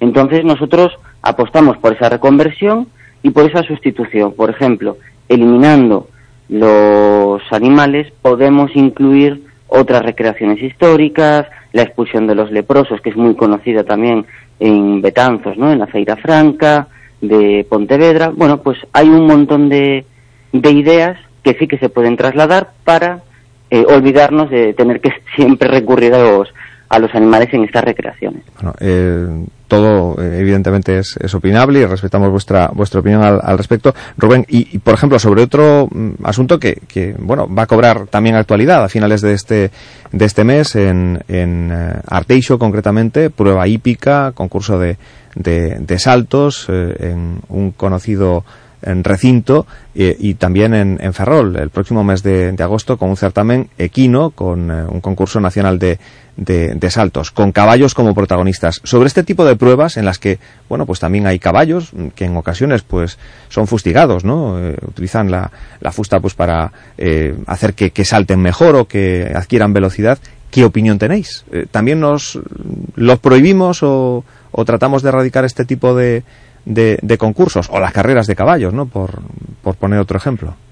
Claro, ahí habría diferencia, ¿no? Quizás las carreras de caballos, que hay organizaciones internacionales que han trabajado mucho sobre esta materia, destapando también situaciones de, de extrema crueldad, incluso animales drogados y otros concursos de carácter más hípico como los saltos. Nosotros no hemos trabajado en esta materia todavía, creemos que sí que tiene que pues transcurrirse hacia una sociedad que use menos a los animales como diversión o espectáculo, pero de momento en Galicia no hemos planteado ninguna propuesta en este sentido. Por ejemplo, podríamos hablar también de las rápadas bestas, ¿no? Del trato que quizás sí. reciben esos animales, que en muchos casos es evitable, aunque el fin eh, veterinario de bienestar animal pues intente justificarlo, ¿no? Pues quizás tengamos que empezar a regular qué trato se le da a esos caballos, cuánto tiempo pueden estar esos caballos en un curro o en un espectáculo y todo ello para mejorar ese bienestar animal sin tener que eh, existir una propuesta de prohibición a corto o a medio plazo. ¿no? Quizás tenemos que empezar por esa regulación que en muchos casos, como las rápadas bestas o estas carreras de caballos, las normas pues pueden ser del año 93 y tampoco preocuparse excesivamente por, por esos avances veterinarios o científicos que hay en los últimos años. Uh -huh. Bueno, con esperanzas de que algunas de vuestras propuestas eh, puedan eh, dar juego y, y, ser tenidas en cuenta para ese eh, proyecto de, de, ley de bienestar animal. Sí, y de hecho tanto el gobierno como el grupo mayoritario y también los grupos de la oposición, nosotros tenemos la impresión de que se ha recibido eh, de manera positiva la mayor parte de las propuestas que hemos hecho. Hay algún ejemplo concreto, por ejemplo, el hecho de que las personas que trabajen en una tienda de animales deban superar un curso de formación en, en, ese manejo y bienestar de los propios animales, ¿no? O la prohibición de la exhibición de animales en escaparates, que lo que hacía era pues fomentar esa compra compulsiva, ¿no? De un cachorro que es adorable y después a los tres meses se deshacen de él porque se dan cuenta de que es un ser vivo y no un juguete. Eh, repito, el proyecto de ley es bastante positivo, hay cosas que se pueden mejorar, pero confiamos en que hasta su aprobación, aprobación final pues podamos retocar esos aspectos que quizás nos distancian más. Uh -huh.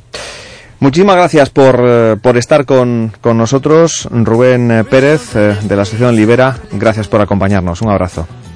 Muchas gracias a vosotros. 10 y 27 minutos, seguimos en la sintonía de Radio Voz. dejamos pues eh, eh, el discurso de las asociaciones eh, animalistas y nos vamos ahora con la salud, que como decía aquel mítico programa, la salud es lo que importa. Bueno, pues vamos con nuestro médico de cabecera, Carlos Piñeiro. Hablamos de temas sanitarios en nuestro tiempo de píldoras sanitarias sin efectos secundarios, aquí en Radio Voz.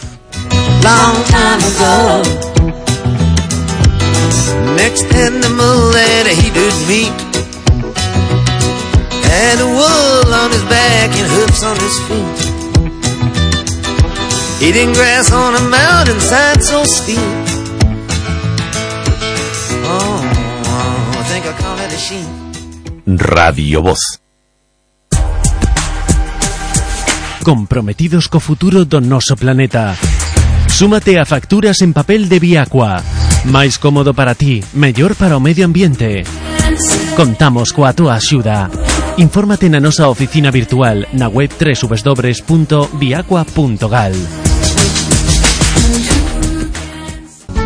¿Te gustaría disfrutar de la mejor comida con unas vistas espectaculares? El restaurante Mirador de San Pedro te ofrece una carta irresistible en un marco incomparable para disfrutar con la familia, amigos o para comidas de empresa. Y si vas a celebrar tu boda, comunión, bautizos, ven a conocer nuestros salones exclusivos. Tus momentos especiales serán inolvidables con nosotros. Comparte felicidad y disfruta. Llámanos y te informamos en el 981 10 0823. Caminar por la playa o completar un triatlón, jugar un partido con tus amigos o aspirar a levantar la copa, dar un paseo en bicicleta o luchar contra el cronómetro. No importa el qué, lo importante es que tú eres feliz haciéndolo. Instituto Médico Arriaza, vuelve a tu mejor versión. Mayores. 20 años de experiencia en servicios de ayuda a domicilio y centro de día nos avalan. Servicios subvencionados por Junta de Galicia. Su servicio de ayuda a domicilio o centro de día es Mayores, en la calle San Luis, al lado de la estación de tren, o en nuestra web www.mayores.es.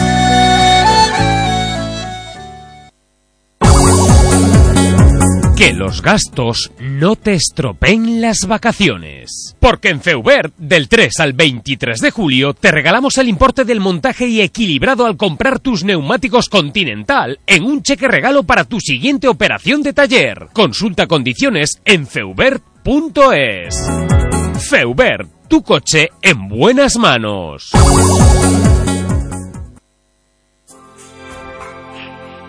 En Voces de Galicia, consulta médica. Píldoras sanitarias para estar al día.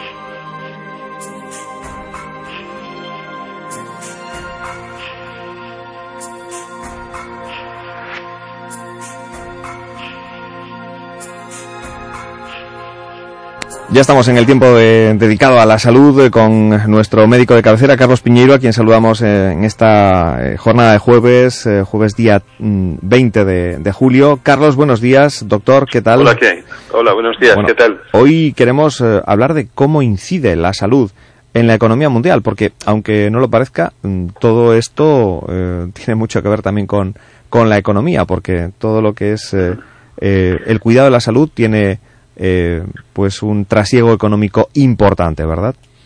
Sí, la verdad es que vamos a vivir un debate eh, en estos eh, próximos años relacionado con el sistema sostenible, sobre todo de aquellos que tienen asistencia universal. ¿no?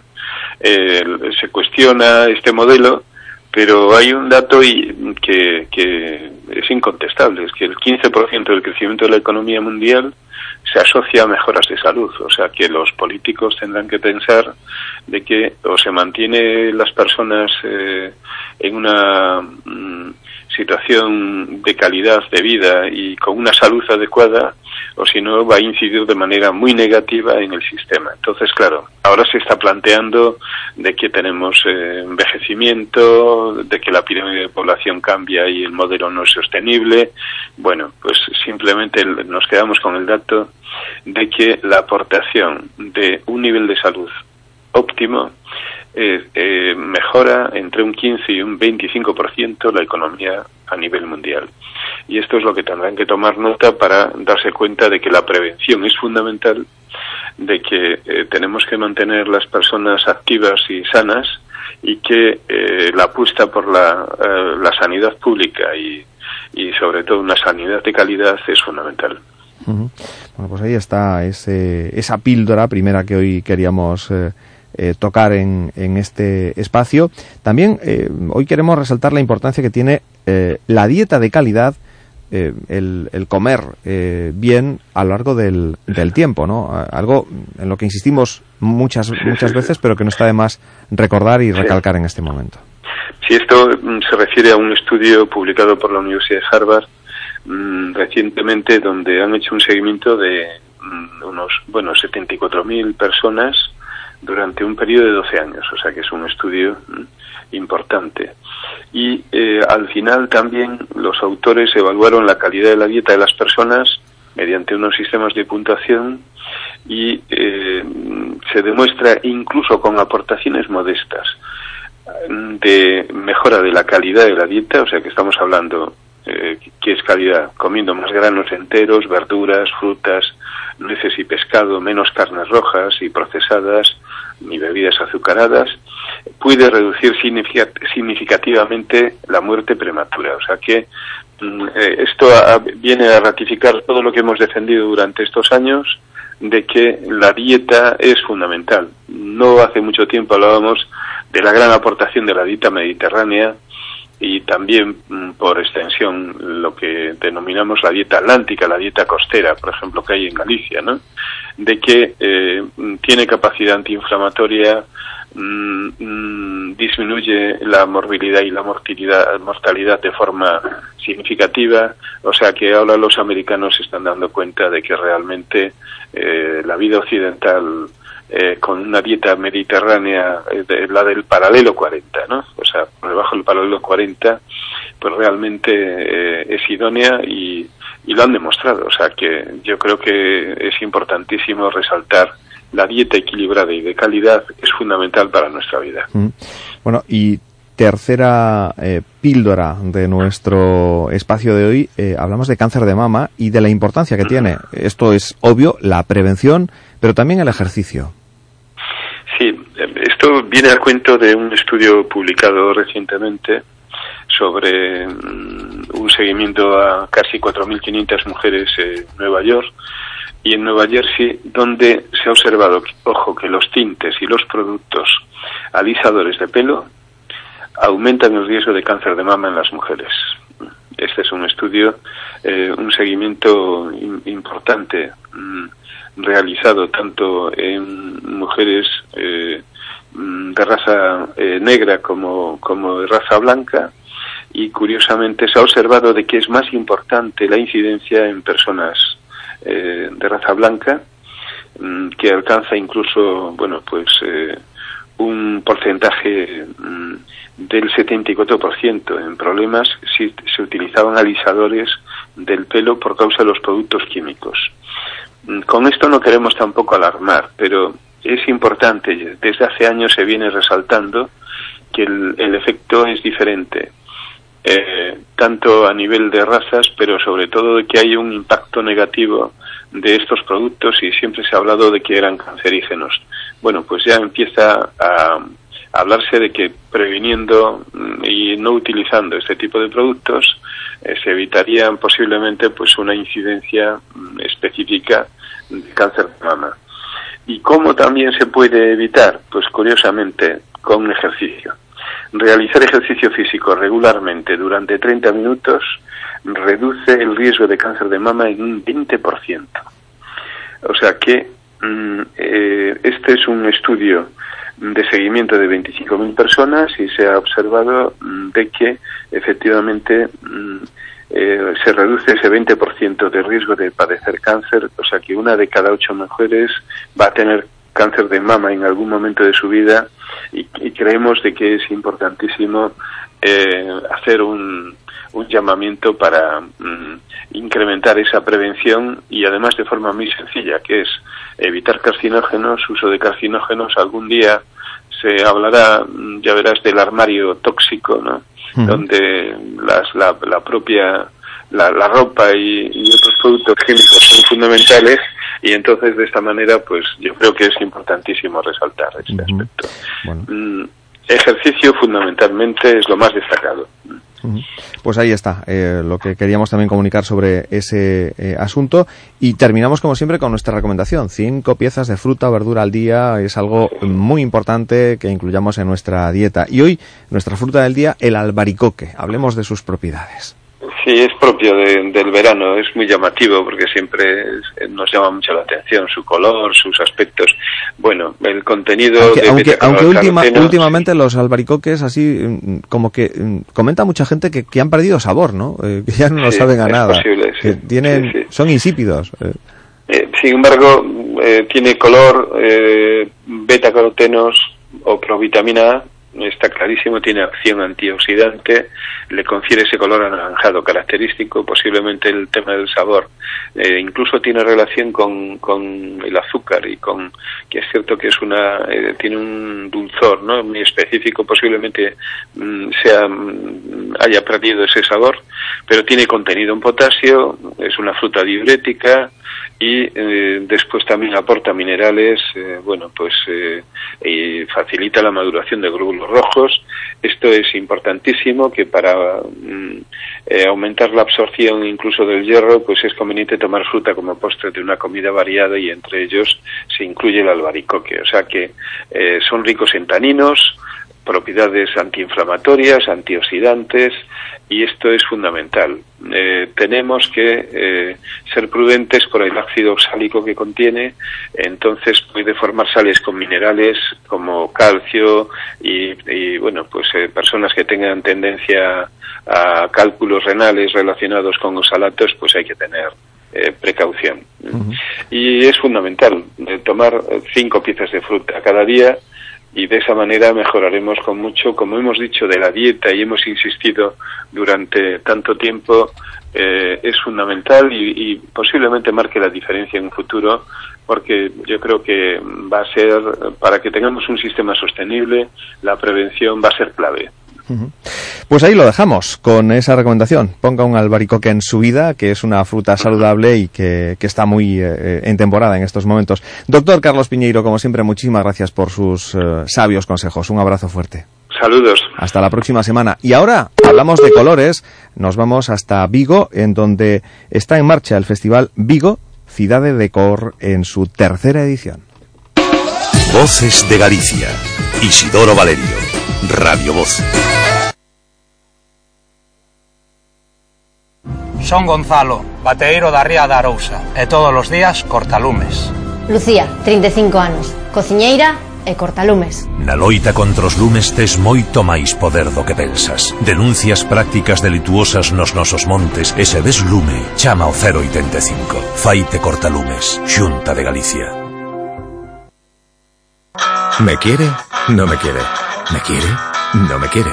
¿Me quiere? Vale. Qué mala suerte. Toma el camino alternativo con el nuevo Renault Captur. Ahora desde 12.600 euros. Descúbrelo en la red Renault. Oferta RCI Bank válida hasta fin de mes. Consulta condiciones en Renault.es. Red Renault de Galicia. De lunes a viernes, Voces de Galicia, en Radio Voz.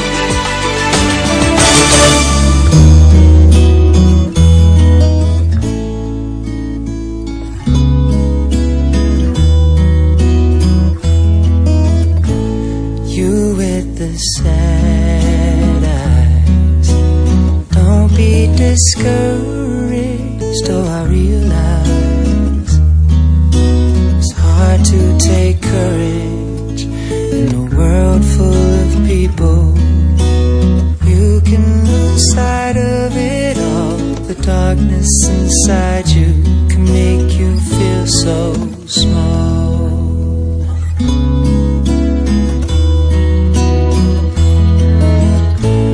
Show me a smile then. Don't be unhappy, can't remember when. Last saw you laughing. This world makes you crazy, and you've taken all you can bear. Just call me up, cause I will always be there. And I see your true color.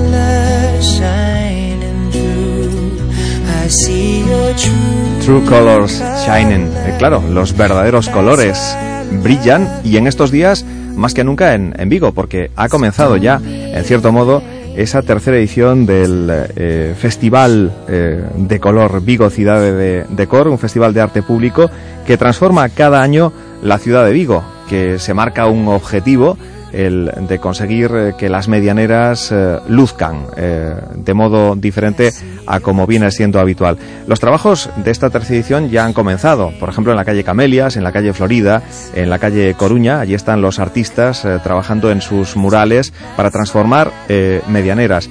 Y hace unos días también era presentada la web del festival, un acto en el que participaba el alcalde de Vigo, Abel Caballero, y la presidenta de la Diputación de Pontevedra, Carmela Silva, que está hoy con nosotros. Carmela Silva, buenos días. Hola, muy buenos días. Buenos días, ante todo, gracias por, por acompañarnos. Eh, importante eh, todo este trabajo de transformación en el que se han involucrado tanto el Ayuntamiento de Vigo como la Diputación de, de Pontevedra, ¿no? Sí, es un trabajo fundamental de transformación del espacio urbano donde había muros y medianeras que eh, afeaban la ciudad, ahora hay arte, hay color, hay una forma diferente de entender la ciudad y la verdad es que la transformación es radical, ¿verdad? Uno piensa, bueno, pintas un- una medianera y bueno, pues sí, ciertamente mejora, ¿no? Pero es que es mucho más que mejorar, ¿no? La transformación es total de los espacios, donde el arte urbano, el arte mural ocupa las ciudades, ¿no? Y ha ocurrido en muchas grandes ciudades europeas y Vigo se quiso sumar a ese modelo de transformación del arte en la calle, llenando de color lo que era antes gris y feísmo. Mm. Bueno, eh, aspiran a que eh, em, eh, en- entre las ediciones que se llevan realizado ya, la de este año, que es la tercera, y dos más, lleguen a las 100 medianeras transformadas radicalmente, ¿no? De ese color grisáceo o, sucio o abandonado, pues a, ser una explosión de, color y arte en plena en plena calle, eh, dando vivacidad a- esos espacios.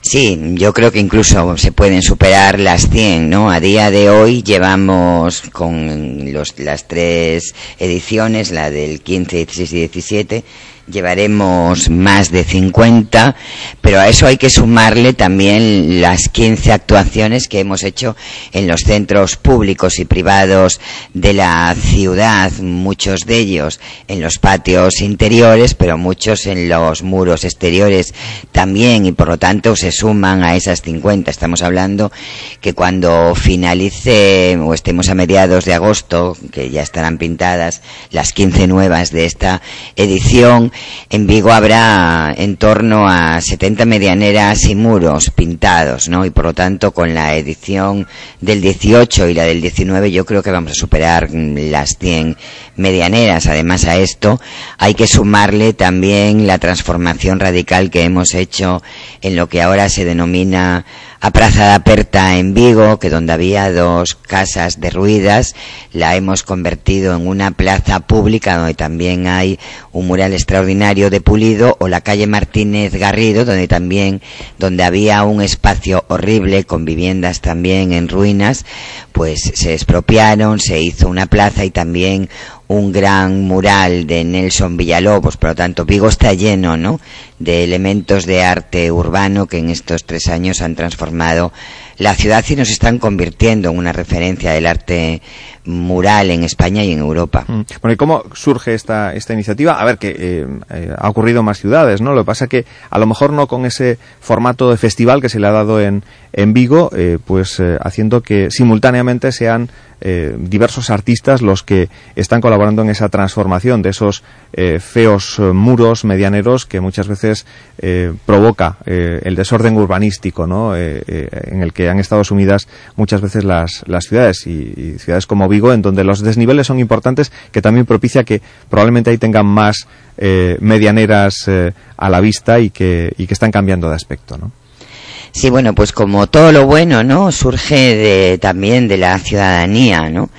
En Vigo hay artistas eh, del arte mural reconocidos que se pueden decir y calificar sin lugar a exagerar como los mejores del mundo, ¿no? Hablamos de artistas del arte mural como Liken, como Pelucas, que tienen eh, medianeras pintadas y muros en todo el mundo, ¿no? En Alemania, en México, en Lisboa, en Francia, es decir, gente muy potente del arte mural en el mundo. Y eh, ellos eh, hicieron un planteamiento de que en Vigo pues había un gran capital, ¿no? Para poder convertir la ciudad en una referencia del arte mural, igual que otras asociaciones como Otro Vigo es posible o como eh, la Asociación EGUA de Jóvenes por la Cultura y por lo tanto fue un proyecto que nació de muchas ideas y de muchas personas, ¿no? Casi siempre lo mejor ocurre cuando esto es así, ¿no? Cuando somos capaces de abrirnos los que mm, gobernamos y los que tenemos la responsabilidad institucional de escuchar y estar abierto a las ideas que parten de la ciudadanía. Y además este proyecto de Vigo, Ciudad de Cor, no solamente se queda en pintar estas medianeras y estos muros, ¿no? Sino que además durante 15 días hay música en la calle, por lo tanto la música ocupa el espacio urbano, hay danza en la calle, la danza ocupa el espacio urbano, hay un proyecto de formación para niños que también se realiza en la calle que se llama Urbanizarte, en la que a los niños les formamos en lo que es arte y en lo que es vandalismo, ¿verdad? Porque muchas veces las ciudades se eh, ponen feísimas a través del vandalismo y de pintar muros y pintar medianeras. Le estamos educando también en que diferencien lo que es arte y lo que es vandalismo. Lo que es hacer un grafiti, una pintada sin, mucho sentido, ¿no? Exactamente, ¿no? Que al final, pues lo que hace es em, afear la, la ciudad y por tanto también durante un mes eh, por toda la ciudad se montan carpas con especialistas en arte urbano que les forman, donde ellos también hacen sus propios murales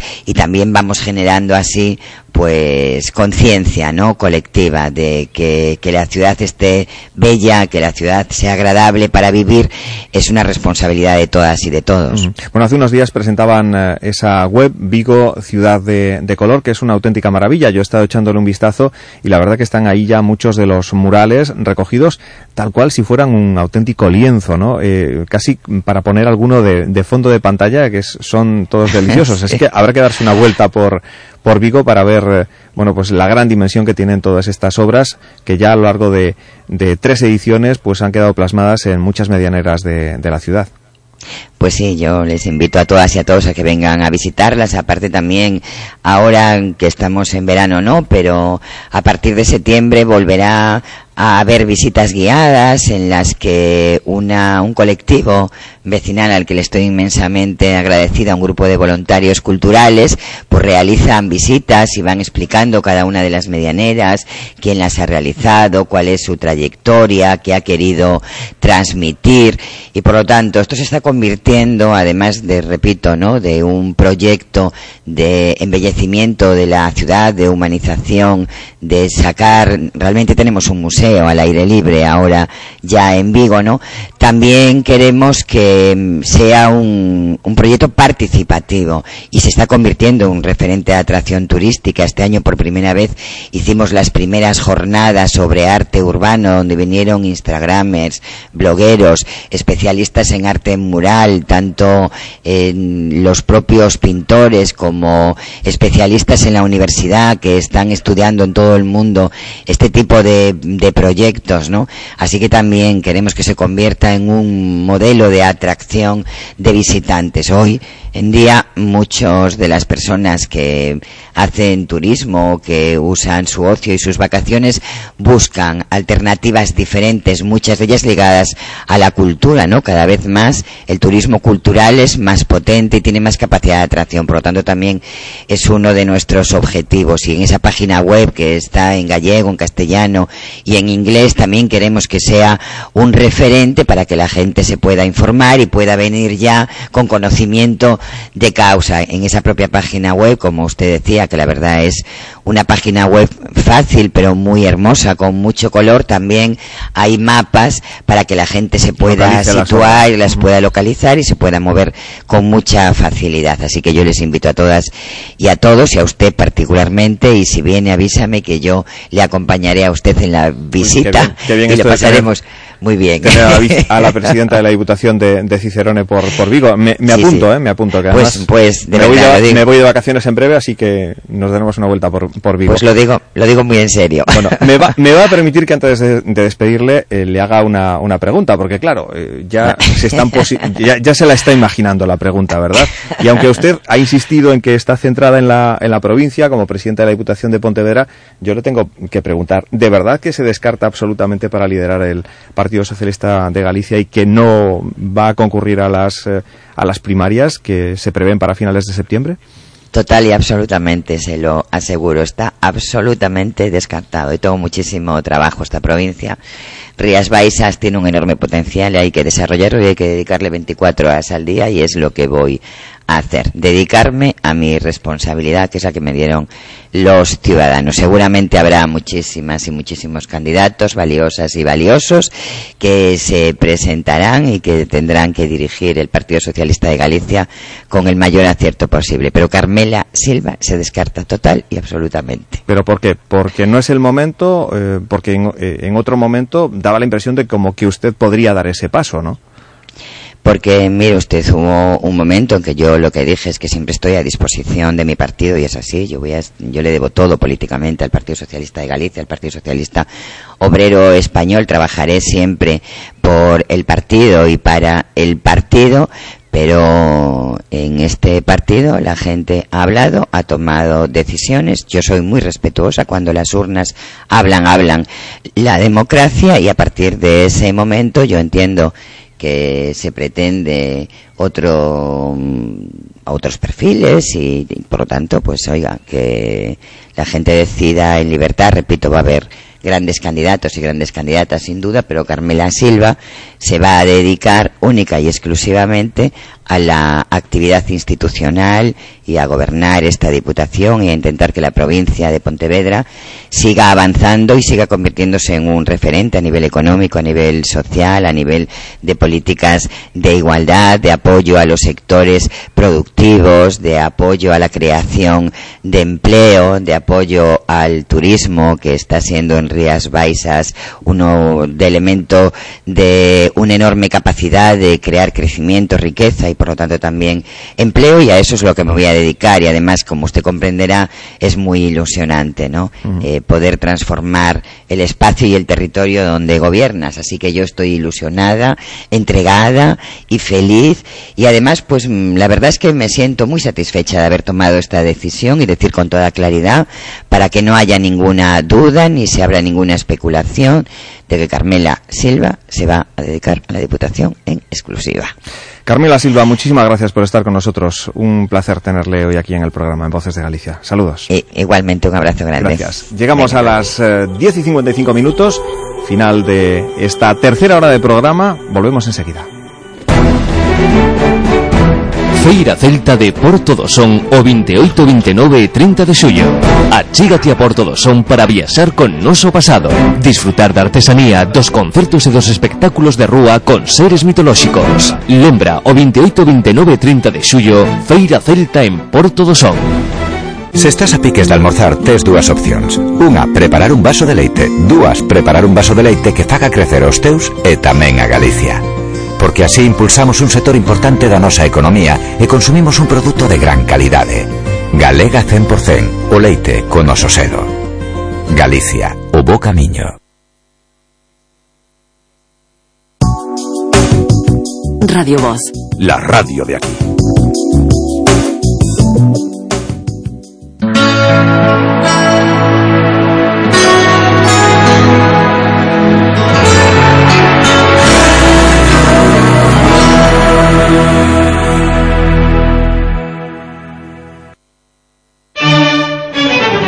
Alegro de domingo en Radio Voz. Cada domingo de 8 a 10 de la mañana, divertimento, alegría e información. Escrito por Antón de Santiago. Hoxe desplazámonos ata o Concello de Trabada para visitar a gandeiría Callobro Holstein. Esta explotación conta con 80 vacas cunha media de calificación de 84 puntos e un promedio de 13.000 litros. Estamos co seu dono Gonzalo Balea. Contanos, Gonzalo, que touros usas? Uso touros de xenética Fontau. Con eles sempre consigo medias de calificación moi altas e uns niveis de produción moi elevados. Xenética Fontau, a túa mellor fonte de xenética. ¿Tienes problemas de salud? Los doctores José Luis Vázquez y Jacinto Valverde te aconsejarán cada tarde de lunes a viernes de 6 a 6 y media en Radio Voz y de 8 a 8 y media en V Televisión. Salud para todos. Radio Voz. La radio de aquí. En Radio Voz, la publicidad suena más cerca de ti, de tus clientes, de tu negocio, de tu ciudad. Porque nadie te conoce tanto como quien te escucha, anúnciate en Radio Voz, la radio de aquí.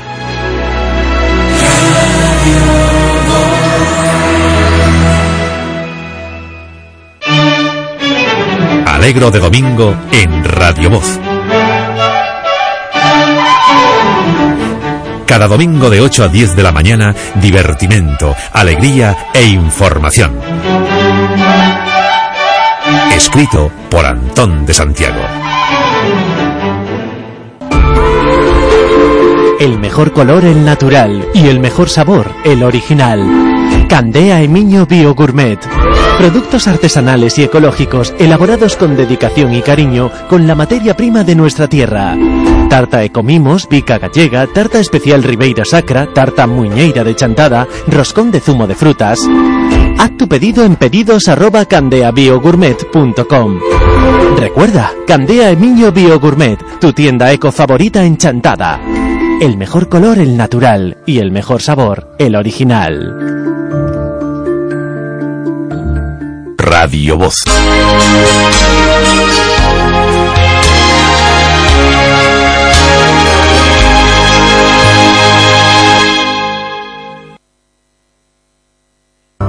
La pérdida de un ser querido es siempre un momento delicado. Grupo Albia ofrece un servicio funerario integral y personal que cuida cada detalle con confianza y respeto, permitiendo a las familias despedirse con total tranquilidad.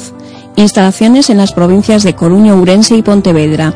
Infórmese en albia.es o en el teléfono gratuito 924 24 20.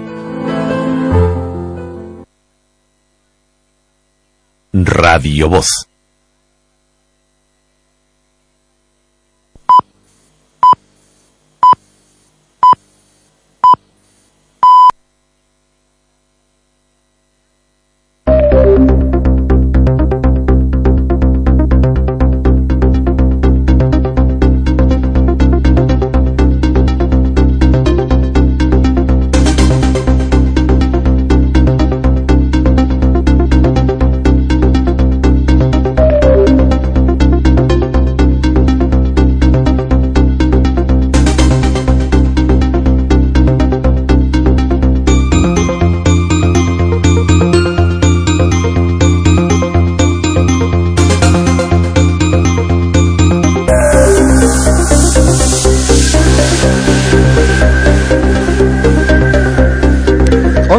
Un minuto. Estamos en la sintonía de Radio Voz. Eh, repasamos actualidad eh, y lo hacemos con Elba de la Barrera. Elba, cuéntanos. Pues los dos tripulantes de un velero británico rescatados por un pesquero tras sufrir una vía de agua en la tarde de ayer han llegado a puerto eh, Lucense de, de, Burela. Así lo confirmaba el Salvamento Marítimo que ha concretado que a la una y media de esta madrugada el pesquero Faro de Burela llegó a Puerto Lucense con esos dos rescatados tras hundirse su velero a unas 83 millas al norte de Estaca de. En torno a las 3 menos 10 de ayer, el velero británico Stereden Babro, con bandera de Reino Unido, emitió un aviso de socorro y el pesquero Faro de Burela, que estaba próximo al lugar del naufragio, rescató a estos dos tripulantes, uno de ellos de, de nacionalidad británica y otro italiana. A las cuatro menos cuarto de ese mismo, de, del mismo día de ayer, los dos tripulantes estaban a bordo de ese pesquero y según indican fu fuentes de salvamento se encontraban en perfecto estado, ya que no presentaban ningún síntoma que requiriese asistencia sanitaria. A la una y media de esta madrugada llegaban a puerto.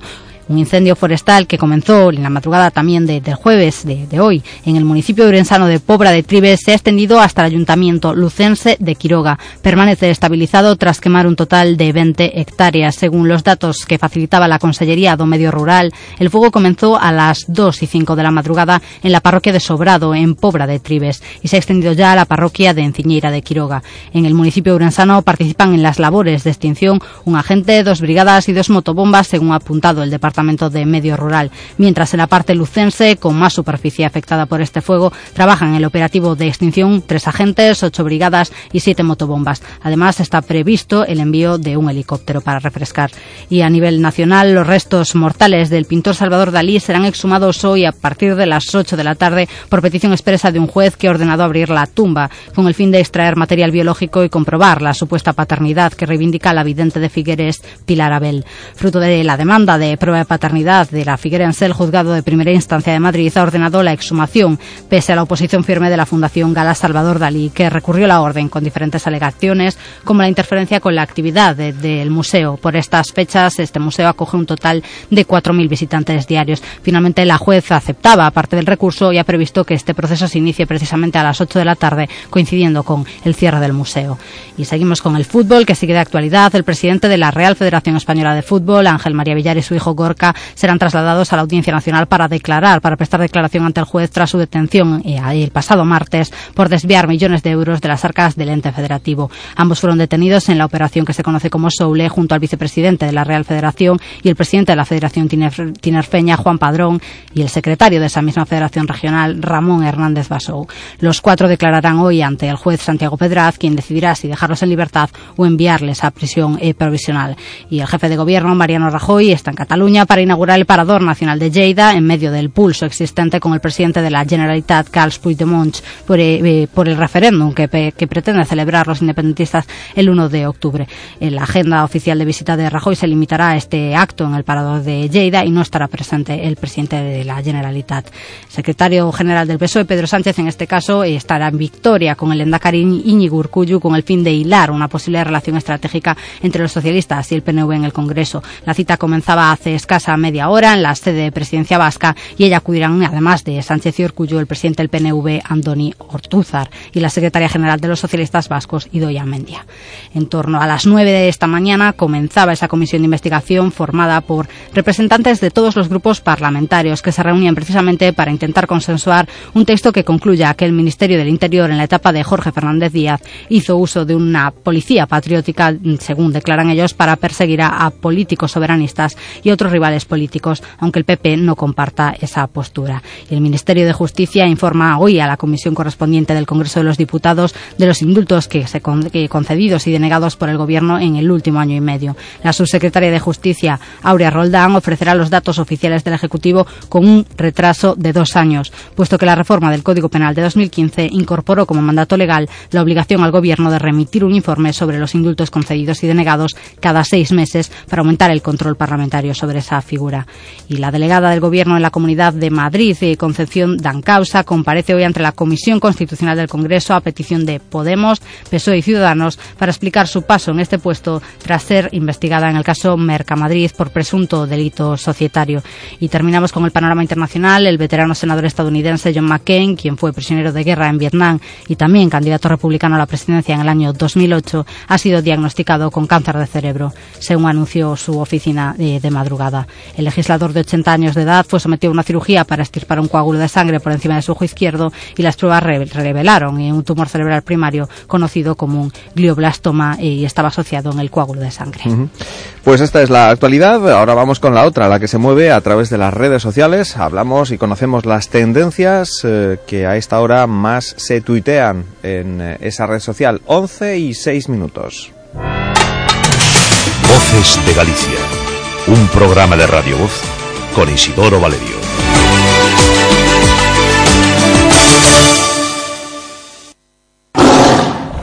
Non esperes a ver guepardos en Galicia para pechar a villa. Se non chove, agora máis que nunca temos que aforrar auga. Porque igual que noutros lugares do mundo, aquí tamén podemos sufrir a seca. Usa a auga con cabeza. Este anuncio, como a auga, non o deixes correr. Xunta de Galicia. Galicia, o bo camiño. Vives en un edificio sin ascensor. Necesitas modernizarlo eliminando las escaleras que hay en el portal para llegar a tu ascensor. Confía el servicio de mantenimiento de tu ascensor a la empresa líder del sector. ThyssenKrupp pone a tu alcance la solución personalizada para tu comunidad. Llama sin compromiso al 901 020 909 o visita nuestras oficinas. En ThyssenKrupp te hacemos la vida mejor y más fácil.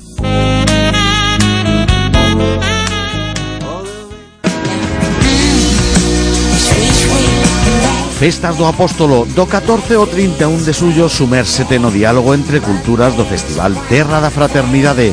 Descubre a programación en movimento do Artellando, goza das bandas compostelás no Toural e dos grandes artistas internacionais na Quintana. Rememora o Apóstolo máis tradicional coa xornada do folclore Día do Trase ou as orquestras da Alameda. Vive o Apóstolo, Concello de Santiago.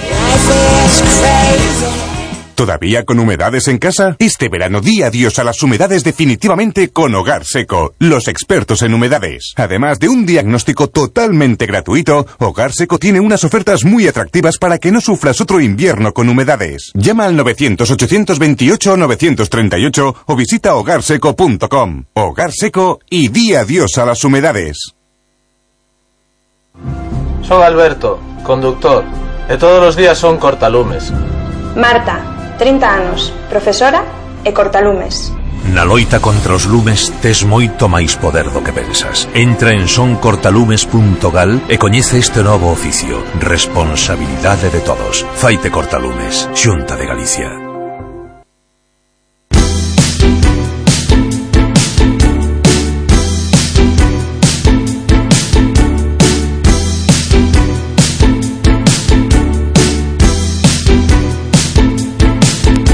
Elba, feliz jueves. Hoy se impone feliz jueves, no hay nada que lo supere, Sí, hoy no- aunque mm, a puntito está de ser arrebatado ese eh, trending topic, esa tendencia del día por, eh, por otra. Pues sí, por Andrea Janeiro, que sube como la espuma. Bueno, es, es, es tremendo, ¿no? Lo de Andrea Janeiro, eh, que, que está haciendo Andrea Janeiro, que es la hija de Belén Esteban, ¿eh? la hija de Belén Esteban, que hoy aparece de portada en lecturas y le vemos por primera vez su, su cara. ¿no? Sí, hemos eh, pasado de ese píxel al que estábamos acostumbrados a, a verle la cara, a ponerle cara, ¿no? A Andreita.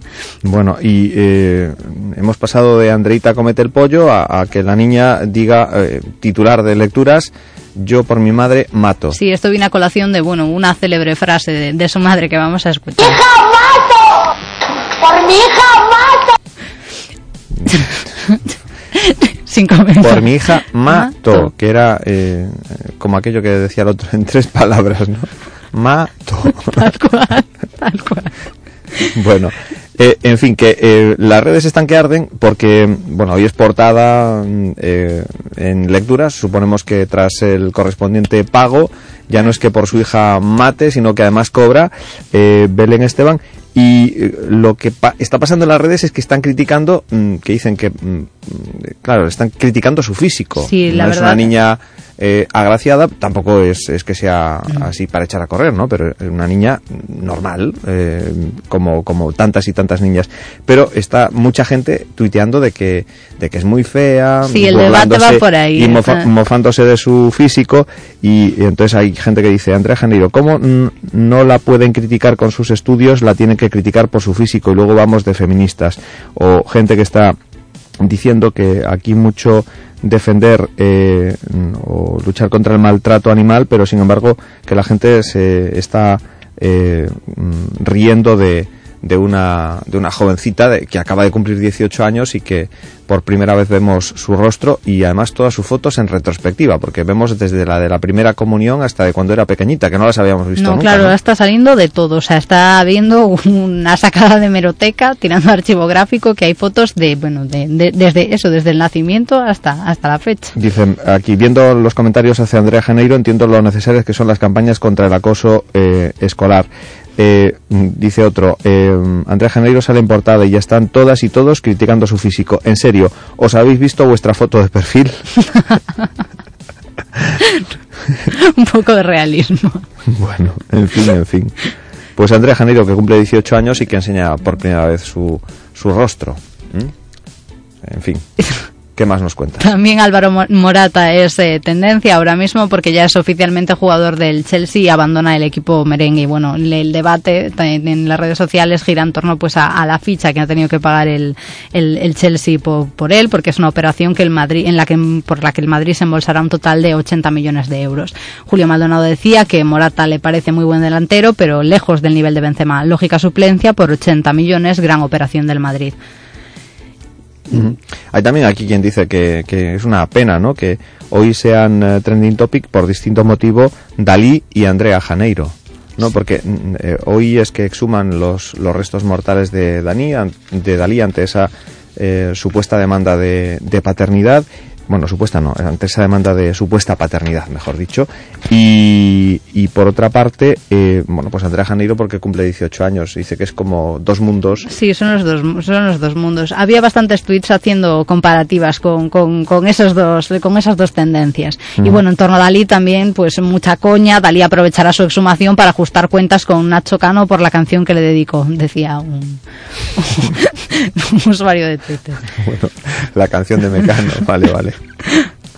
¿Qué más? También Burgos 21 es trending topic porque bueno arranca la conmemoración del octavo centenario de la, de la catedral y, y, bueno eh, hay muchos tweets eh, en torno a este tema y bueno el Parlamento también es tendencia como no porque el letrado mayor del Parlamento de Cataluña Antoni Bayona expresaba sus dudas sobre la legitimidad del referéndum unilateral del 1 de octubre y sobre las bases jurídicas de la estrategia inde- independentista y por supuesto bueno pues también está generando polémica eh, esa, ese posicionamiento por parte del letrado. Ujú. Oye, y también es, es tendencia Costa da Morte. Estoy. Sí, Costa da Morte es tendencia porque el, mm, aquí en Costa da Morte está la última farera que queda en España. 43 años salvando Sí. barcos en la Costa da, Mon- da, da Morte. eh, es algo que hoy eh, publica el, el mundo y todo el mundo está hablando de, De ello, la sí. Costa da Morte y de esta farera que parece que está gustando muchísimo esa cuestión. Bueno, luego se une todo lo que tiene que ver con Costa da Morte, pero también la Voz de Galicia hoy publica que casi 120.000 em- euros para empresas de jóvenes emprendedores de la Costa da Morte y también eso pues Claro, entra dentro del, del, del, eh, hashtag Costa, Costa da Morte. Así que bueno, muchas cosas eh, que, que están eh, eh, bueno, haciendo que Costa da Morte hoy haya aparecido entre, entre las tendencias.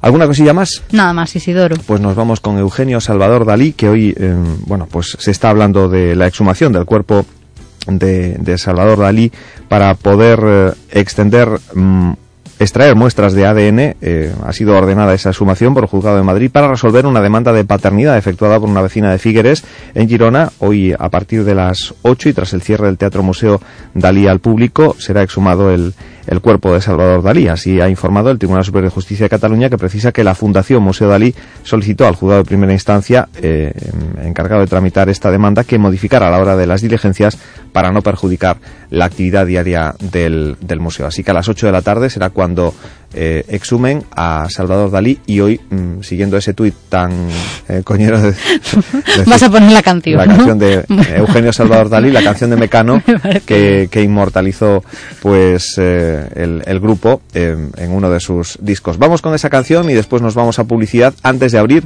la sección de eh, peticiones del oyente. Hoy comenzamos con este Eugenio Salvador Dalí de Mecano.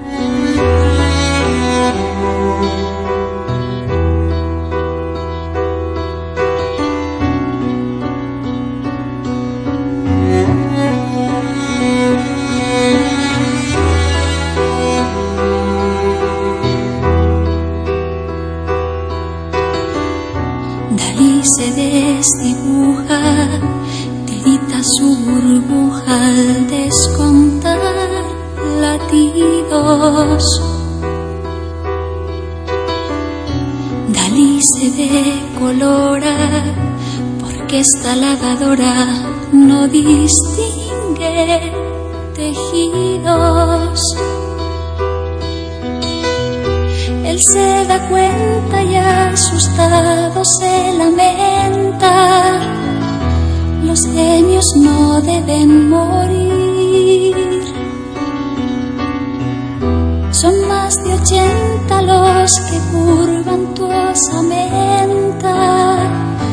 un genio salvador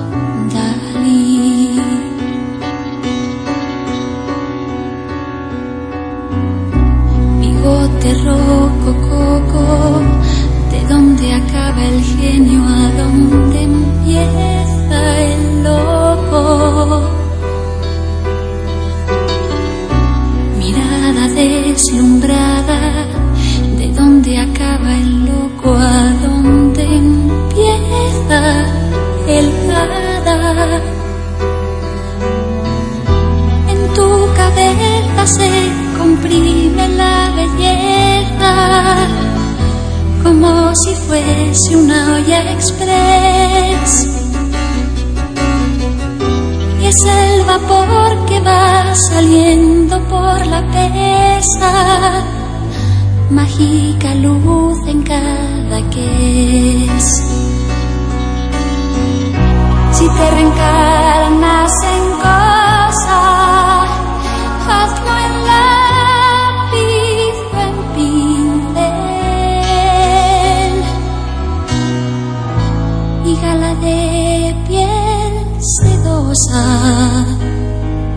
que lo haga en lienzo o en papel. Si te reencarnas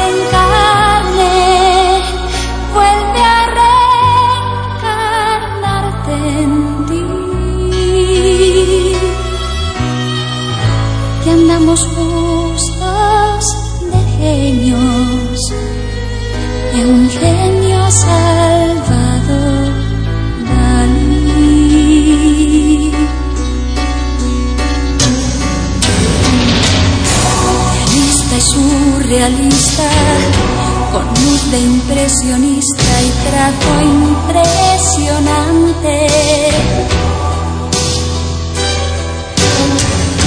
Delirio colorista, colirio y oculista de ojos delirantes. En tu paleta mezclas místicos ascetas con bayonetas y con tetas. Y en tu cerebro gala Dios y las pesetas, buen catalán anacoreta. Si te reencarnas en cosa,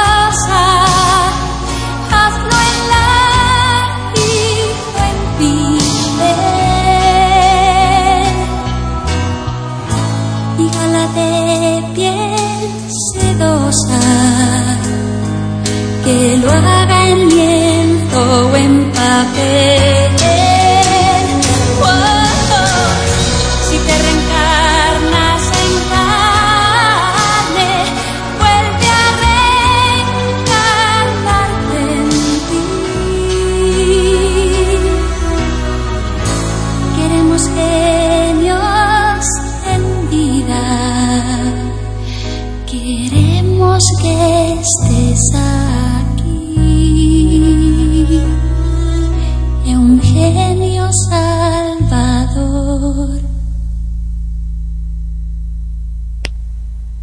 Estaba, ese Eugenio Salvador Dalí, con el grupo Mecano, uno de los grandes éxitos de, de este grupo que hoy hemos recordado con motivo de que Dalí es hoy actualidad porque su cuerpo será exhumado eh, en esta misma, esta misma tarde. Seguimos aquí en Radio Voz 11 y 20, estamos en directo y abrimos a continuación las peticiones del oyente. En funcionamiento ya el WhatsApp del programa 649 48 37 99. Repito, 649 48 37 99. Nos envías un WhatsApp y nos dices qué canción es la que quieres que suene de aquí a las 12 del mediodía. Voces de Galicia. Un programa de Radio Voz con Isidoro Valerio.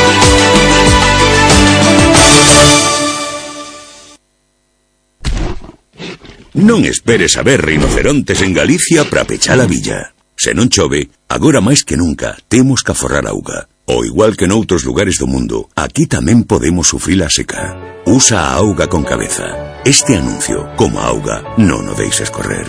Xunta de Galicia. Galicia, o bo.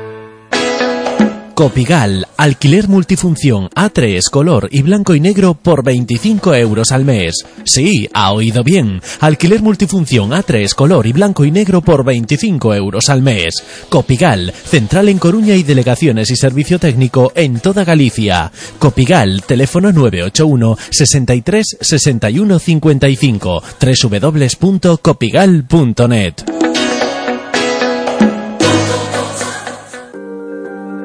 ¿Preparando tu día más especial? En el restaurante El Pantano te ayudaremos a que sea único. Consulta nuestros menús personalizados para tu boda, comunión, bautizo en un marco incomparable y con disponibilidad de comedores privados. Además, en restaurante El Pantano podrás celebrar tus eventos de empresa con salones privados y medios audiovisuales. Restaurante El Pantano, muy cerca de ti, en Horto, San Román. Teléfono de reservas 981 67 68 69. Soy Alberto, conductor, e todos os días son cortalumes. Marta, 30 anos, profesora e cortalumes. Na loita contra os lumes tes moito máis poder do que pensas. Denuncias prácticas delituosas nos nosos montes e ves lume, chama ao 085. Faite cortalumes, Xunta de Galicia. Voces de Galicia. Un programa de Radio Voz con Isidoro Valerio. Aquí estamos en la sintonía de Radio Voz. Eh, Peticiones del oyente. Abierto ya el WhatsApp para que podáis pedir las canciones que os gusta escuchar y que queréis que suenen de aquí a las 12 del mediodía. Primera petición que nos eh, hace Arturo. Arturo, primera vez que nos escribe, nos dice, hola, es la primera vez que os pido una canción y me gustaría escuchar una canción un tanto especial, porque me trae recuerdos de una película, eh, la película de Bridget Jones, La Edad de la Razón. En ella sonaba una canción de Amy Winehouse titulada Will You Still Love Me Tomorrow? Mm, ¿Podríamos eh, escucharla? Pues claro que podemos escucharla. Además, nos encanta esa canción. Forma parte, como bien dice Arturo, de esa banda sonora de Bridget Jones, de Edge of Reason. Es el título genérico de, de- del álbum, de esa banda sonora. Ahí está Amy Winehouse con ese clasicazo entre los clásicos. Will You Still Love Me Tomorrow? Amy Winehouse, sonando en Radio Voz. Tonight you're mine completely.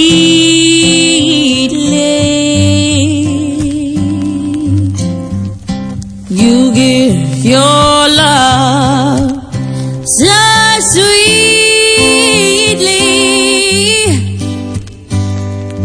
Tonight the light of love is in your eyes. Will you still love me tomorrow?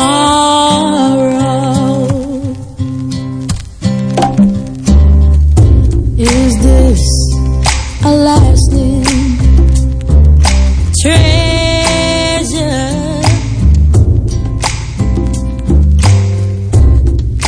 Or just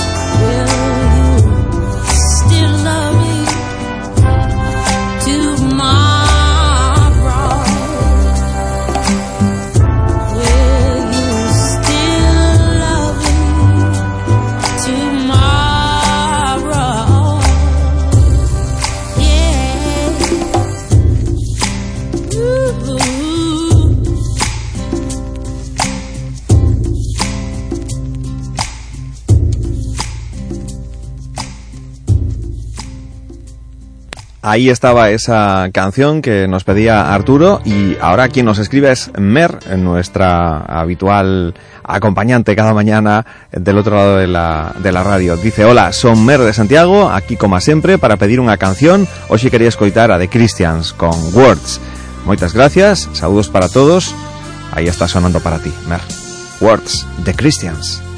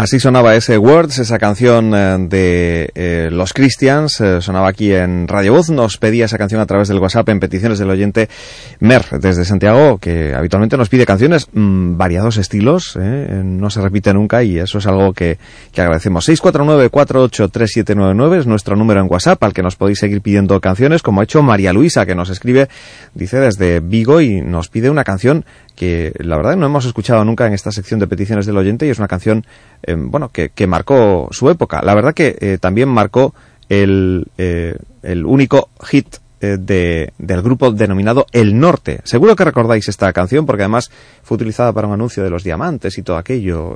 ¿Recordáis la canción que nos pide María Luisa? Nos dice, me gustaría escuchar Entre tú y yo, canción del legendario grupo El Norte, del que no hemos vuelto a saber nada. Efectivamente, nada hemos vuelto a saber del Norte que nos dejaron, aquella joya titulada Entre tú y yo.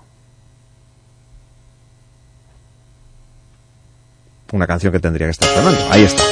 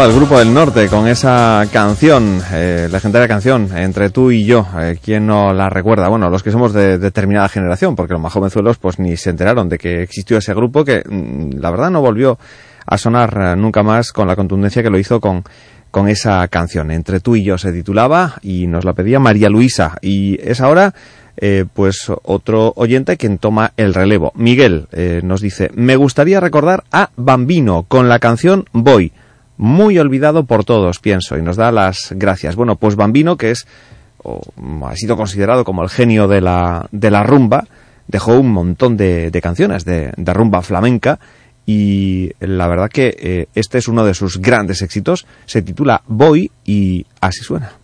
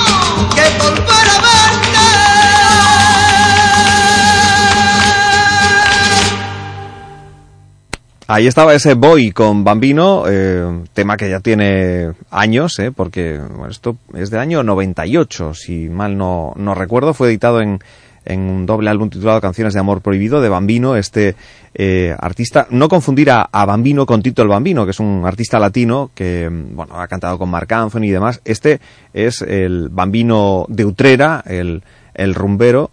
Eh, con una voz muy peculiar y con un estilo muy característico y con, bueno, pues un género, eh, el, flamenco, que en el que ha sido todo un, genio con canciones como esa, que es uno de sus grandes éxitos. 11 y 43 minutos, más peticiones. Es ahora Noelia la que nos eh, escribe al WhatsApp, al 649-483799, nos dice Noelia, hola, ¿qué tal? Buenos días, me encanta vuestra sección y me gustaría pediros una canción que considero que es muy especial. Creo que es eh, una canción de una edición limitada de uno de los discos de... Eh, de de Pablo Alborán. Eh, la canción se titula La en Rose y la canta también Pablo Alborán. ¿Me la podéis poner? Bueno, el, el álbum al que te refieres es eh, la edición Premium, Super Premium, creo que se denomina la, edición de, del disco Tanto de Pablo Alborán, uno de sus últimos discos. Y en él, efectivamente, incluye una versión de este clásico eh, de Di Piaf, La en Rose, clásico de la música francesa, que en la voz de Pablo Alborán suena así de bien.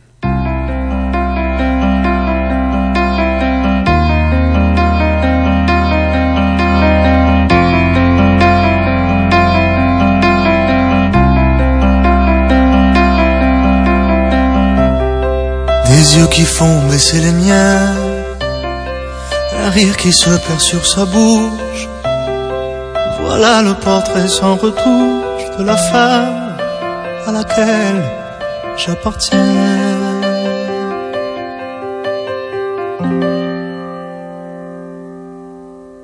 Quand elle me prend dans ses bras, elle me parle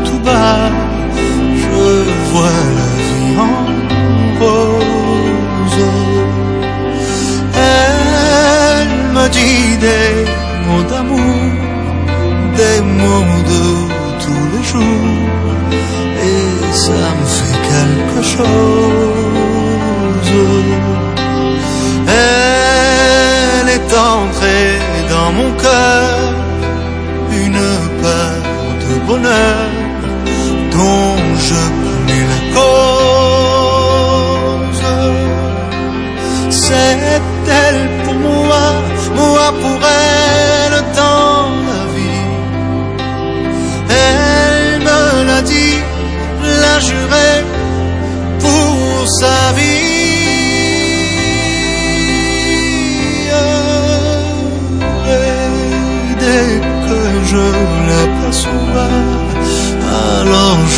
Sens en moi mon cœur qui bat. Des nuits d'amour à ne plus finir, un grand bonheur qui prend sa place. Des ennuis, des chagrins s'effacent, heureux, heureux à mourir.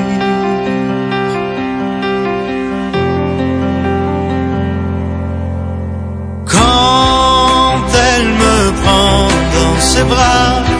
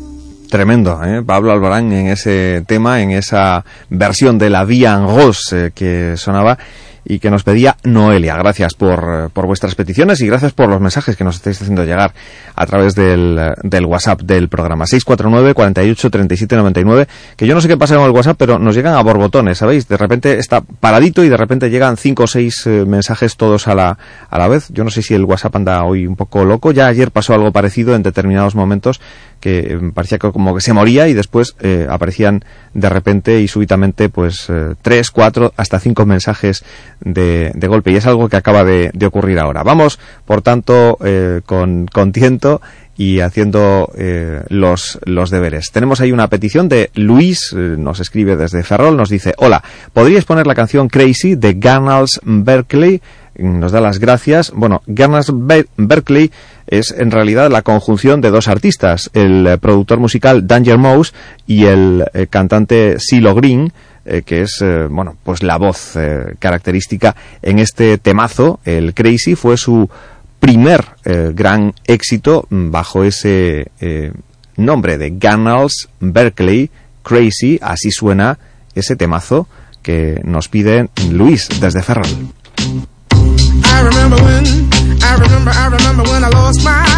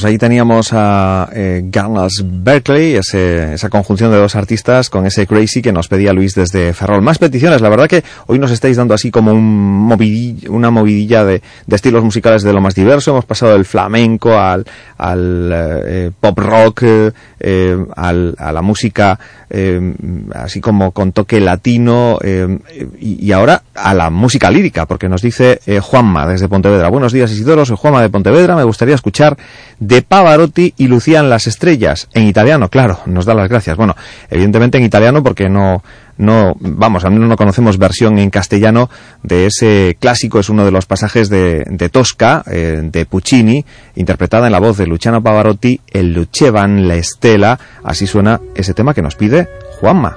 Eh, música lírica también para acompañaros en este Peticiones del Oyente en Radio Voz.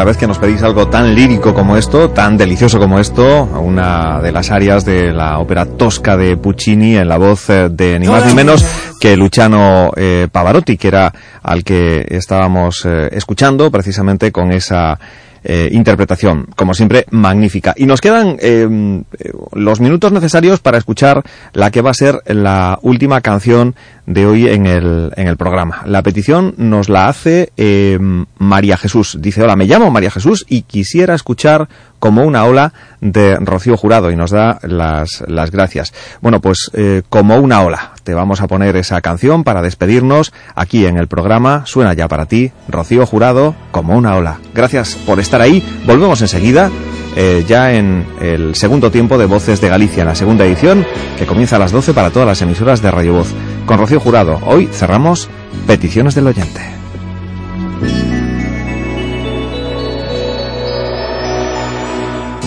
Grabé tu nombre en mi barca, me hice por ti marinero para cruzar los mares, Fui tan feliz en tus brazos, fui tan feliz en tu puerto que el corazón quedó preso de tu cuerpo y de tu piel. Como una ola, tu amor llegó a mi vida, como una ola de fuego y de caricias, de espuma blanca y rumor de caracolas, como una ola. Y yo quedé prendida tu tormenta, perdí el timón sin darme apenas cuenta, como una ola. Tu amor creció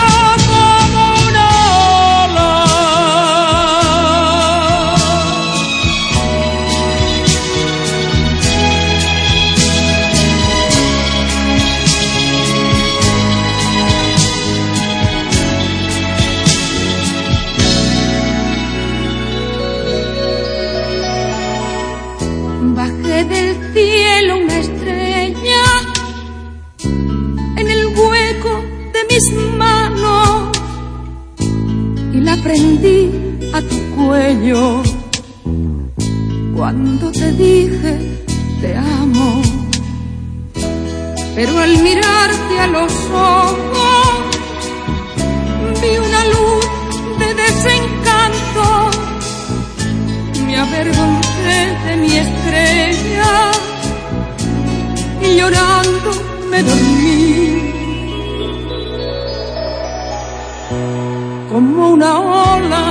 Amor llegó a mi vida, como una ola de fuerza desmedida. Sentí en mis labios tus labios de amapola, como una ola